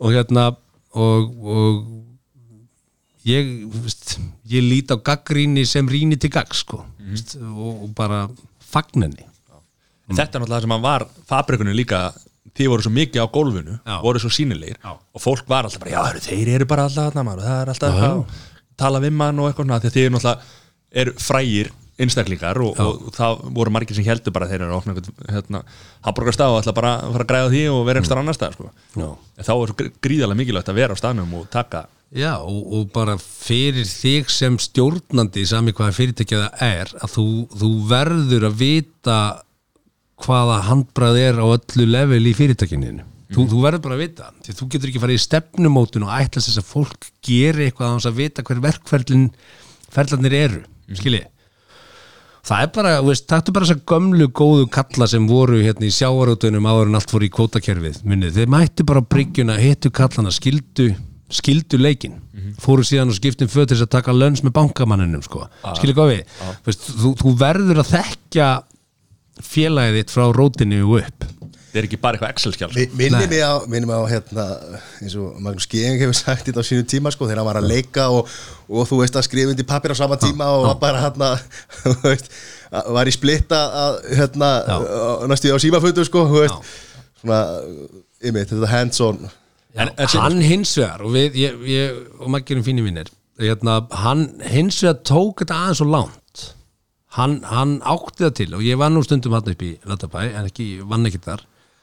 Hann átti það til stundum hægðist á málum að því að hann var það góða það, skiljiði þú verður líka að passa það, þú verður líka að delegata og treysta og hérna þetta ekki vera alveg ómissandi. Nei, þú veist, þú, þú, þú, þú veist vélinn þarf að ganga þó að þú hérna takkið frí þú veist, það og leifa þeim sem eru góðir í einhverju að- að gera það. Sem- Já, En þessi, þessi skrápur og það sem við tala um í fjölmjölum að gaggrinin og, og, og slúðu sögur og svona, hvernig er, hvernig er að taka þessu?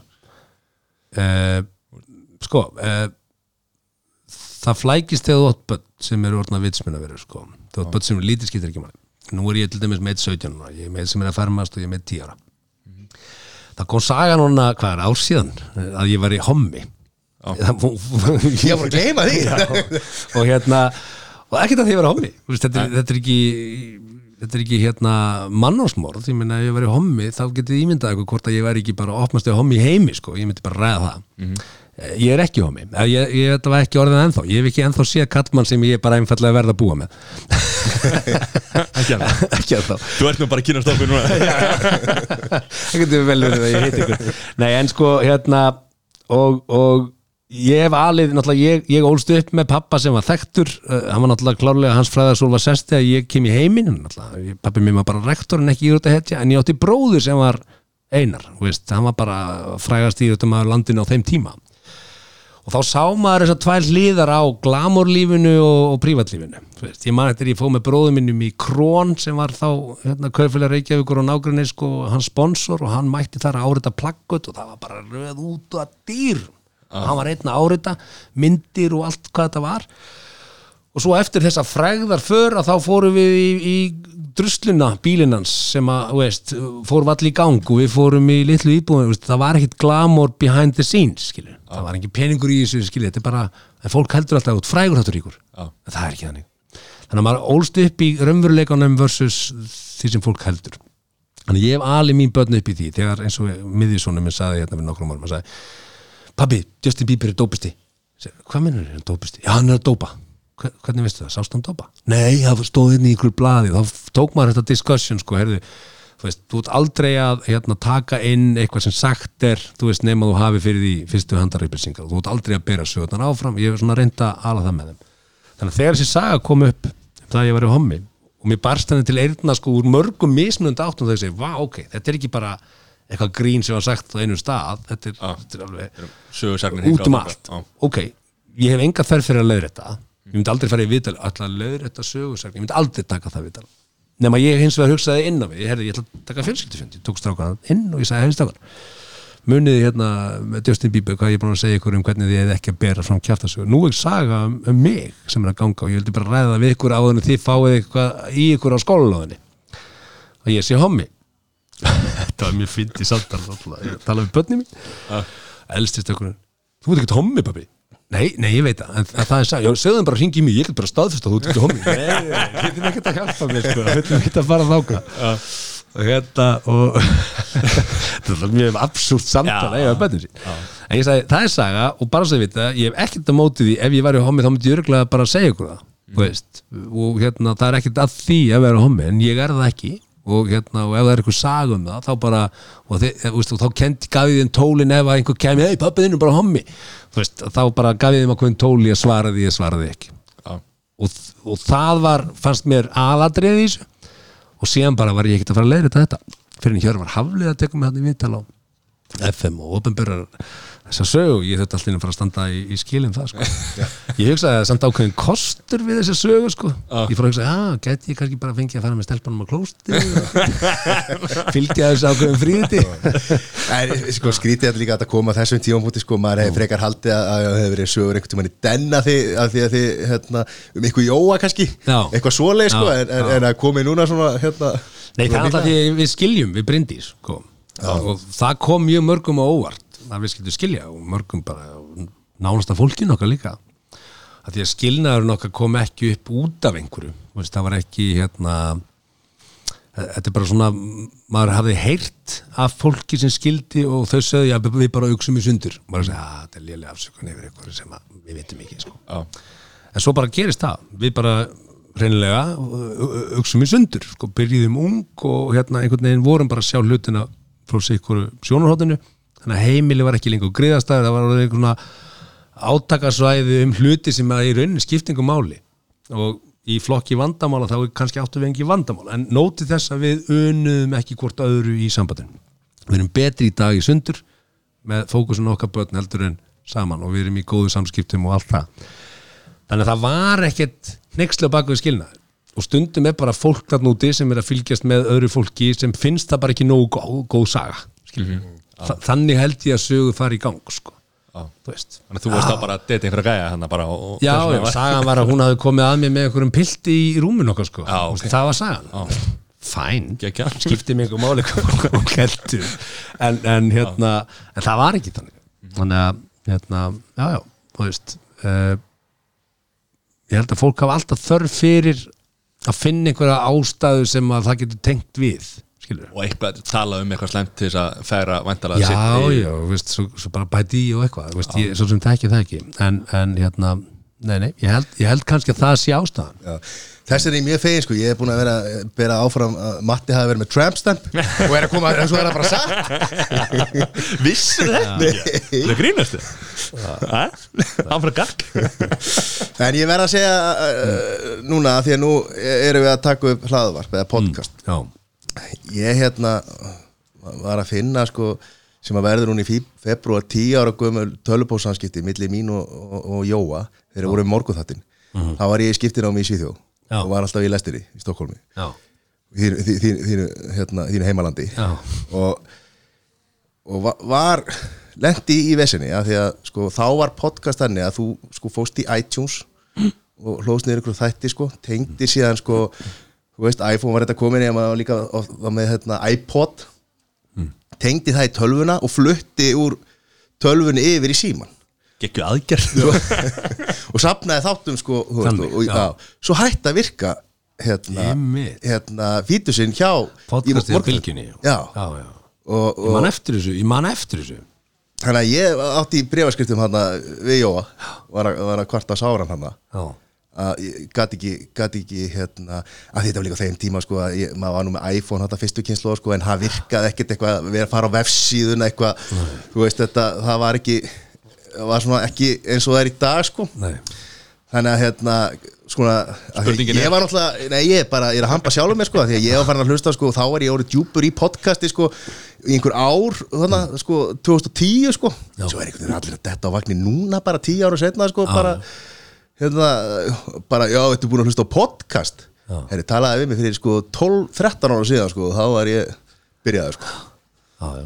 Bara, hérna, klappa mér aðeins á baki. Nei, ég, ég er bara að segja við- ég er að segja sko, af því að ég kom nú í 70 mínútum Já, Já. við hefum getað ég var nú í tölubóðsafskiptum hérna, hérna, við morgunhættir og svona. Ég bara hef, hef verið diggur Þú er bara og fylgjandi. Já, já, það var bara gaman að, gaman að því. Bara svo snúa þess út en þú átt þetta Hugmyndir- babba lúla sko. Já, hugmyndir og, og hérna og, og í þessu þáttur sem þú er búin að gera hana. er það stel, er það með fyrirmyndir, er það að stela hugmyndum erlendis, er það, hvað er það? Já, já, það, það gerist alveg í bland eins og annað, þú heimfærir eitthvað skilur, þú sérði eitthvað þú veist, kannski ekki að stela hugmyndum ég bara, meina, en ég hef oft hugsað það, sko, að því að ég ég átta mig á því að ég er ég er freka frjór, þú veist. Ég bara átta mig á því bara því að hérna, að því að, já maður tala við eitthvað fólk og maður, ég átta mig á því, það- ég delivera miklu. Já, örgulega 80% í algjört rugg fattaru, en svo kemur kannski einu og einn snildin á milli. Að hver er kveikjan að hugmynd, þú sérði eitthvað á þess að sjá það og það fer inn einhvern veginn og svo kemur það út. Annars staðar frá. Eh, eh, annar, annar já, stað já, einhvern veginn þú já. ert alltaf undir áhrifum af einhverju. Uh, í 70 mínútum þegar við erum þá var Jackass að byrja. já,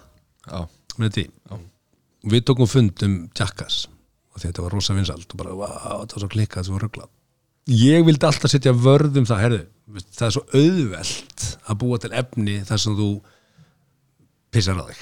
Það dæmi, þetta ég gerði þetta hann gerði þetta, ég var hættur í þettinum að því ég var á neginu þarna, þetta er svo auðvelt þetta er svo, auð, þetta er svo low hang frút að hérna að við, við reynum, að, reynum að gera það aðeins hvað sé ég, veist, reynum að taka þetta sem er mjög Næsta- kjánu já, þetta að tala um já, 70 mínútur. Já, en ég meina, þið, fóruð- ekki sko í í, í kúk og bara að láta löðrunga sig og fá bólgur, þetta er svo auðvelt. Það geti allir gert þetta. Mhm. og, og ef þú ætlar að gera eitthvað fyrir sjónvarp þá verður að vera aðeins meira en það sem allir geta gert. Mhm. ég veit ekki hvort það sé nú að skýra já, en hérna en já, auðvitað verður maður fyrir áhrifum á öllu. Þú sérði eitthvað og segja, að ok, þetta þetta aðeins öðruvísi.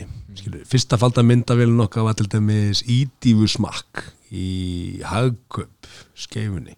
Er snakkskálar og ídífa frá voga og önnur þeirra var bara að setja lísi og ó, hún var ókeðslega og svo bara kom fólk og það segir engin nei við að fá snakk og ídífu í búðinni. Bara að smaka það, að þetta er gott hérna. þetta er hérna ný hérna hjá okkur hérna, ný ídífa eitthvað hérna. Og það bara, mm, mm þetta er ekki gott, við gerum þetta algjörðu mm, mm, þetta er ok og bara einfalt saklaust, mm. veist, þetta var þetta undir áhrifum af einhverju öðru þegar það var ekki snakk og ídífa það var bara eitthvað annað þannig að þú heimfærir og útfærir.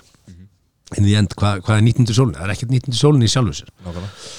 En jú, jú, oft fórum við og, og, og, og hérna og stálum efni en auðvitað er það hérna, ég meina, ekki myndavel er hægt ekki þið fundu ekki upp á falið myndavel en, en samt sem aður þá náttúrulega og ég gerði þetta. skil ekki í alvöru af hverju það er enginn að gera falda myndavel Mhm.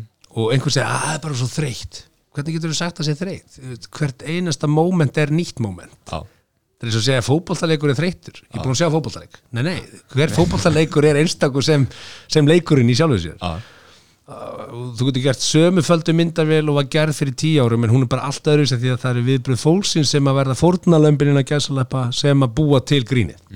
Þannig að við erum að fara. Við erum að fara að sjá nýja tekin-seríu með auðvitað sem að þú prodúsaði það Ímynda er, það, það, það er alltaf markaði fyrir það. Það er alltaf markaði fyrir að fíbla fólk. En aldrei komið til tals að þú tekið þátt í draumaseríunum af Því að það er kannski sína ég framleiti það alltaf, ég átti framleiti fyrirtæki sem að framleiti Já, var það að hluta því? Átti stórvöldunum með huga. Framleiti það og gilsinleika myndirnar og fullt af með einnig stærstu framleitur landinu á sjónvarsefni framleitum fyrir rúf hérna uh, um land allt og vorum hérna með húnaverkarnin og Var tekin líka þar inni eða? nei, tekið var fyrir fyrir framleitu fyrirtæki En- og hérna er ekki betra að vera bara hérna, maður að baka tjöldin og viðskiptamaður og, og sölumæður og, og hugmyndasmiður heldur en að hérna Nei, það er bara eftir hvað verkefnið er sko Veist, ég, ég, ég á betur heima þar í ymsu, ég á betur heima að vera in the mud í öðru. Eins og ég sem veitingarekstri núna veist, ég bara elska að vera á kafi á gólfinu og, og taka diskum og heyri í fólkinu og ógeðslega gaman. Því hvar, af hverju ferðu út að borða? veist, er það bara til þess að segja hungrið eða viltu upplifa eitthvað? Er það ekki þess að þú vilt, þú vilt fara og sjá þig og sína aðra, eða sína þig og sjá aðra alltaf þess Já. Og þú vilt svona fá eitthvað aðeins umfram það en að borða heima hjá þér? Mhm. okay. Gott dæmi um það ef að ég má skjóta inn í náttúrulega hérna, því að Óskar Finnsson hefur komið á, til okkar. Meina, hann var bara kokkur. Mhm. en svo var hann bara komin í dyrnar á Argentínu og, og var síðan bara þar hérna, Já, bara mörg, mörg, mörg ár sko, og var ekkert inn- já, geggjaða verst mm frábakarandir bara taka, taka jakkan og, og spurja hvernig var eftir og, og hérna. Hann, sko, Argentína þegar hann var þarna upp á sitt besta þá var það bara flottasti staðurinn á landinu. Og, og hann var stór hluta því. Upplifun? Algjörlega. Veist, bara, hlutinni voru bara í lagi. Og fólki sem vann með honum það horfði á hann og bara ok veist, nú veitum við hvernig þetta á að vera. Þú, þú setur, veist, eftir höfðinu dansa limitnir er setning en það, það er það sem það er. Þú, veist, þú getur aldrei ætlast til þess að fólkið þitt gerir hlutina betur en þú en það getur hins vegar alveg gert það. Og, og ég er með fólki í vinnu sem gerir hlutina miklu betur en ég. Að þú getur aldrei ætlast til þess að þau gerir það. En hvað, hérna, nú keftir þú hlölla? Já, Það er bara minn upp á stað Þú ert að grínast já, ég Hvað? Já, ég hérna get sagt ykkur hérna uh, rekstralega þá erum við með 63 fermetra upp á höfða. Já, uh, tekjurnar af þeim 63 fermetrum eru meiri en af öllum fabrikunum. Já, geggjuðinning, Já. viðskiptalega. Já. En það er líka bara, það er upplifun. Það er ekki búin að opna hurðina. Þá, Hvað viltu? Uh, bara hérna, bara bomba með káli. Ég er alltaf með það sama, sko. Þá bara, ok, þú bara borga Sest niður, farið pop hérna, báturinn komin sko. út á tímindum Hvað bull er þetta? og svo mikið atrið hvert þú fer sko, ég hef verið skammaður ef ég fyrir ekki på höfða Já, hérna en, en af hverju þetta, síðan, þetta félag? Eitt er Já. bara tekjulegin sko ég elska söguna á bakveðina stað og hvað hann er búin að lifa af. Þetta er síðan 1986 og þetta er bara Hlöður Sigursson opna bara stað. Og var hann með erlenda fyrirmynd? Nei. Það er bjútið Subway uh, sem við þekkjum sem hinn samlugu veist, alheims, það var ekki komið á alþjóðmarkað það var veist, frekar lítil amerísk ekkert lítil bara, en, en Hlölli var ekkert að horfa þangað. Það var ekkert internet, sko, hann vissi ekki það Ha- hann er að steikja, pönnu steikja allt ráöfnið í, það, það, þetta er ekki til. Það er ekki til pönnu þetta er eini skyndibitinn sem er eins og hann er. Og hérna og það er búið að vera öll þessi trend síðan 86, þú veist, vegan, græmiti er þetta nýjasta skiluru allt þetta, hann er alltaf steddi hann er bara þarna og hann er ekki fyrir neinum, hann er ekki að bögga neitt þetta er bara uh, stráng heiðarlegur skyndibiti sem er ekkert að þykjast. Og eins og segir eins og 70 mínútur er ekki hann að breyta sér í eitthvað annað heldur en hann er sko? Hann er bara það sem hann er og hérna, við meiri sér segjum sko, við, við kunnum ekki vegan, við gerum ekki vegan. Við, við getum ekki mætt vegan þörfinni. Getur ímyndað hvernig hraðin er þið på höfða við þyrftum allir að fara að hendi vegan og sér panna sem að má ekki vera með dýrum á hugmyndinni, við, við getum þetta bara ekki. Til miður, við erum ekki á móti vegan en við bara getum þetta ekki, við getum ekki leift okkur að fara þangað. Og hérna og fjölskyldan er öll að vinna hjá okkur sko. núna, þú veist, dætur þeirra hjóna er að vinna hjá okkur. Veist, rekstastjórin yfir hlöllabótu með bara dóttir hlölla og, og þau hjónin eru svona aðeins í kringum og þeim þykir væntum þetta og það er bara ást á bak við vörumerki. Og það selur mér það, þá hlið á teiningnum, fyrir utan að reksturinn er bara í lagi og það er alveg hægt að gera hluti núna með hlölla uh, og laga aðeins til og kannski að hendin smá nýjungum sem er ekki að skemma neitt þannig að ég, þetta á bara heilmikið inni Hvað og er þetta margir staðir? uh, við, sagt, þetta móðufélag sem ég kefti mig inn í er með höfðan og smáralindina Já. síðan er gamalt samningur um uh, miðbæinn Já. og þar er eigandi sem er með leifi til þess að vera með þetta vörum ekki næstu þrjú árin og hérna og uh, ég er svona er að vinna í því að við stillum betur saman strengi. Hann er með Pepsi, við erum með Coke. Já, það gengur ekki upp. Vist, ef þú ert með brand þá verðum við að samin þetta. Ég er Svo svona var- að vinna í því núna. Var upp í spöng líka. Það var, var staðar það, já, sko upp og hann, niður, hann fór, hann var nýri í skeifu líka. Hann, veist, það er áður en ég kem inn í þetta.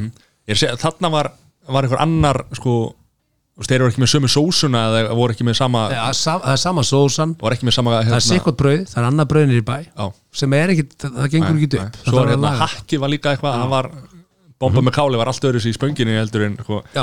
látt mig þekkja sko. ég bara, Já, ég er bara að borða heyri sko.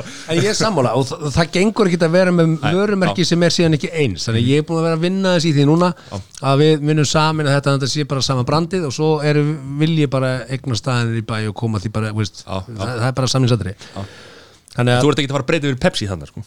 það alveg á hreinu bara glemdu hugmyndin við, sko. við endur nýja samningana við kók nýlega þannig að það, það er engin hætt á því allavega á næstunni en hérna Uh, já, og svo náttúrulega skemmir ekkert fyrir að ég er í dómsmáli við skúla sem á söpni ok, verð þú með útlæsku kæðina ég ætla að taka hérna orginalin sko. já. og hérna þannig að það skemmti heldur ekkert fyrir það var alls ekki ástæðan. Sem er að tala um það já, hann bara ætlar að mæta hann þarna. Nei, það var ekki ástæðan, ástæðan var bara þetta er góð rekstræning, þetta er frábært vörumerki. Uh, það er falleg saga bak við þetta og hérna þetta er ekki eitthvað svona pop-up one hit wonder, þetta er búið að vera sér 1986 Já. og það er ástæðan fyrir sko. og þetta verður þarna til 2086 Já, það er bara þe- þegar það er að loka þá? Þegar við Það fá lendum að degi í friði þá? Það eina sem að mun standa eftir ef við lendum, fyrir, lendum í kjartorkusbryggju það er hérna það er Hlöllu bæris, höfða. já, hlölu höfða og bæris bestu það er eina sem mun standa eftir. Brimborg er kannski örugustæður að vera á. Hlölli er góður staður til að vera á sölum aðeins hann Barjón, fór þar um daginn. Já, fórstu þangað? Já. Fekk mér hérna kjúklingavengi og hérna Það er geggjaðir. pulled pork. Mm -hmm. tjúvillar það gott með þér við settum gríðarlegan tíma í þessa þróun. Og ég bara segi það að, þetta þetta er fárunlega gott stöf við vorum þrýr, við ætlum að skipta sko, ég var ekkit svongur mm. við ætlum að skipta bara kjúklingavengjum kaupa eitt pulled pork borgara og eitt vennilega borgara. -hmm. Og þeir eitthvað, "Nei, við viljum ekki pork borgara þannig að við endaðum að kaupa sko þrjá hambúrgara -hmm. svo kipti ég eitt kjúklingavengi og þeir kipti sikkur á vangi líka sko.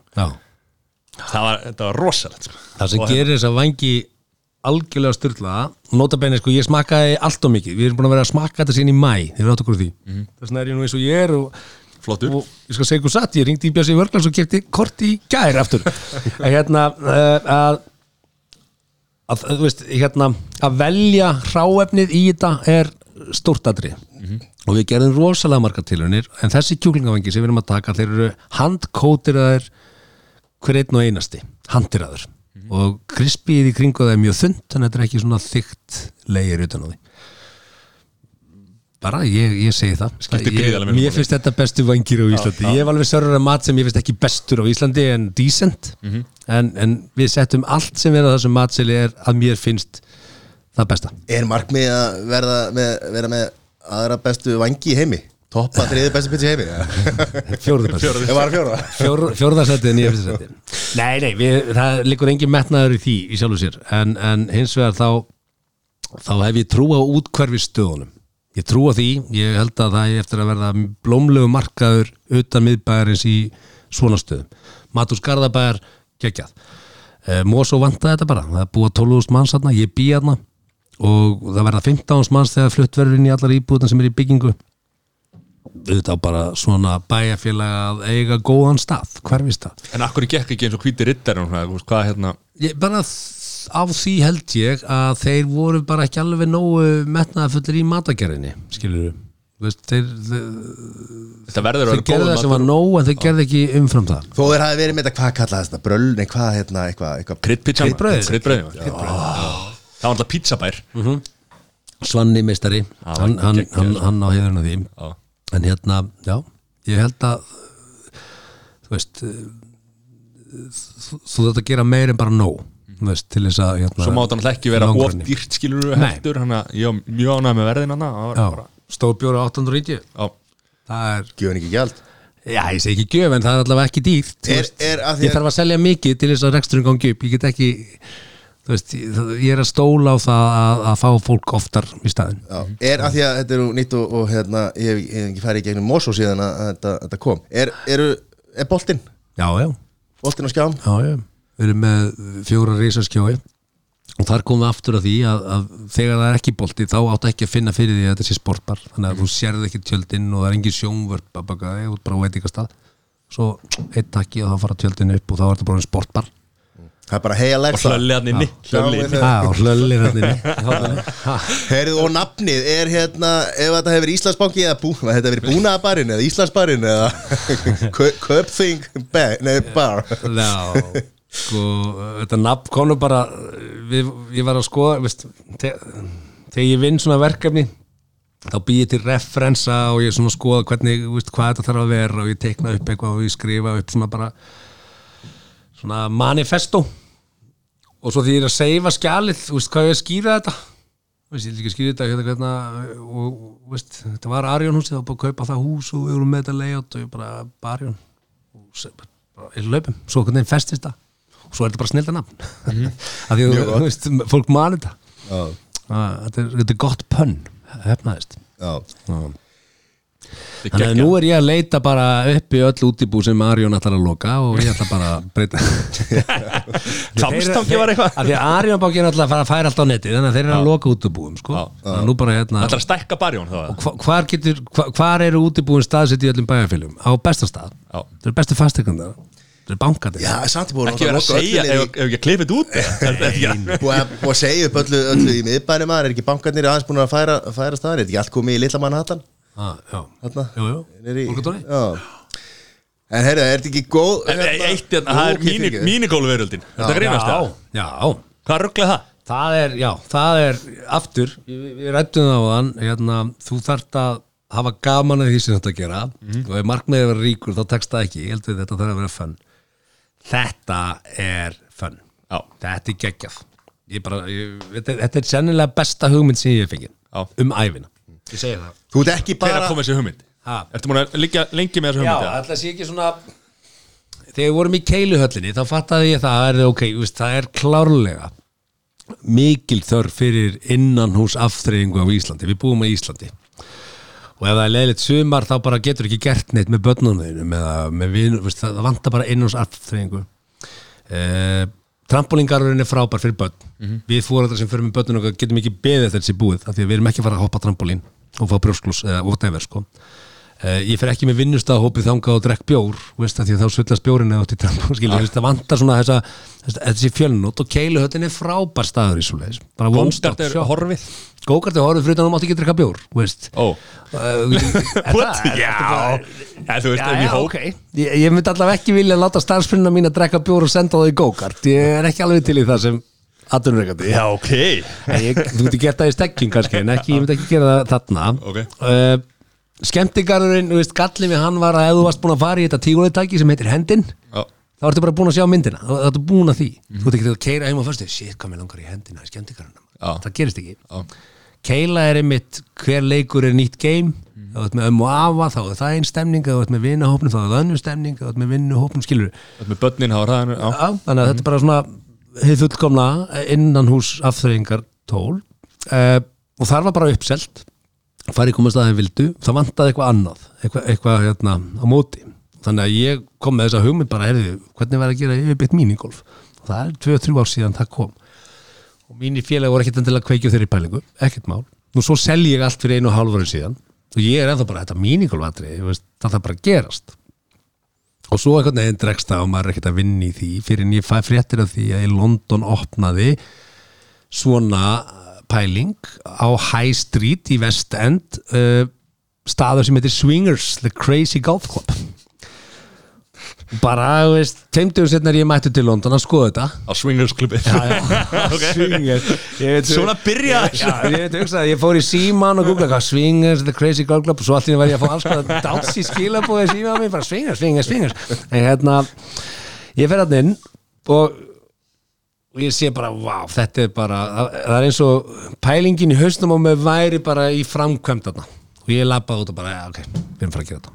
Ringdi reyn, til þetta húsnæði bara klárum þetta nú bara erum við að vinna í því.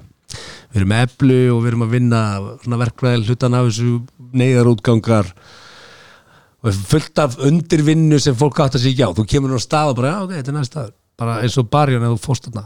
Bara það er stokkur eftir öllu loftinu er stærsta háfa loftast í kerfi sem æfinni sett upp sko, það er verkfræðinga, þetta draga nýja heimtug það er svo mikið af handverki á bakvið. Þetta er ekki bara að opna eitthvað stað sko. Nei, þetta er miklu, miklu meira það sko en, en Svo er nammið búin annar hliðin á eða sem að segja þú hvað það nammi búina Hva, já, átíðaferð Já, já. og bjútið við nágrannan er átíðaferð og slip, slipurinn þeir loka sex þegar mesta trafikkin kemur það er fullt af bílastæðum Nóg af þarna. bílastæðum, sko. helgarnar, það er ekki mikil veist, og, og bílarnir sem leggja fyrir átíðaferð þeir eru ekki í langtíma á stoppi þeir eru að koma að fara. Þannig að, og þetta er sjö mínútur frá hörpu. Já, þannig að sko, hvað gætt ferðamönnum að koma veist, og þetta er aðalgata. Veist, það er ekkert langt úr kópa og þetta niður yttir Nei. Þannig að þetta Þetta er er, æðislega miðsvæðis. stað- já, þetta er mjög miðsvæðist og þetta sé útkvöri og hérna Mikligarði var náttúrulega hann að hliðin á akkurat, Gamla dag og miklikar tengist mér líka gegnum sjónvarsdagsturinn en hérna já, ég, er- ég er gríðarlega spenntu fyrir þessu verkefni Og ég var, sa- ég var samt pínu að vonast til þess að þú hafi verið bara ég þarf að laga forgjöfuna, hvernig gerir það? Ég þarf að laga púttin, hvernig gerir það? Ég er alltaf á gólfinu það sem ég er Já. Ef ég er alltaf bara á mínu á púttin þá laga ég forgjöfun í leiðinni Þetta mun klárlega laga strókuna en að öðru leita hefur þetta ekkert með golf að gera og hérna við fórum alltaf þrýr út að skoða og eitt spilar ekki golf og hann lendi öðru seti sko, henni tveir erum virkir þannig að þetta er actually svona afþreying, þú veist þarna fórum við inn fengum okkur bjór, fingramatur þetta er ekki svona matsölustaður þannig að þú ert basically að panta þér, vangi og miniburgera og pizzasliders og eitthvað svona. Uh, lifandi DJ veist, bara DJ-músík og svo ferð þú og þú fær tea time og þú spilar og eftir einhverjum eins og við lendum fyrir aftan einhverja tvær stelpur sem hafði aldrei spilað golf og við erum með bjór á brautunum og þú ert að hérna, veist, þetta er bara party. Átján hólur Nei, við spilum bara nýju bara 40 myndir að spila nýju hólföll og hérna og tíunda já, tíu, Allir á já, tíunda já, já. eftir að ríða.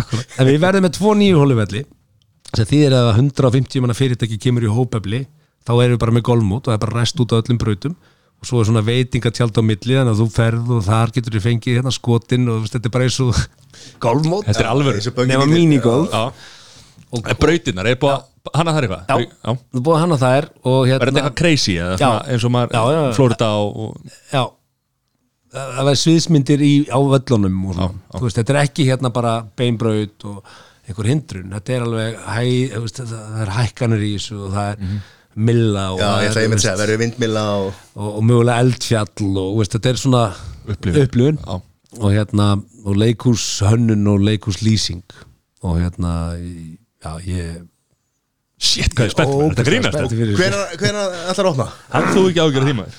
Þetta er tilbúið. Sko, ég, ég hérna ef að allt gengur í sög og ég ætla að vera í bjartsinniskasti þá er ég að horfa á mæ ef ég er mjög bjartsinn þá er það fyrir EM. En svona raunhæft myndi ég að halda eftir, við opnum aldrei setna enn í, í ágúst.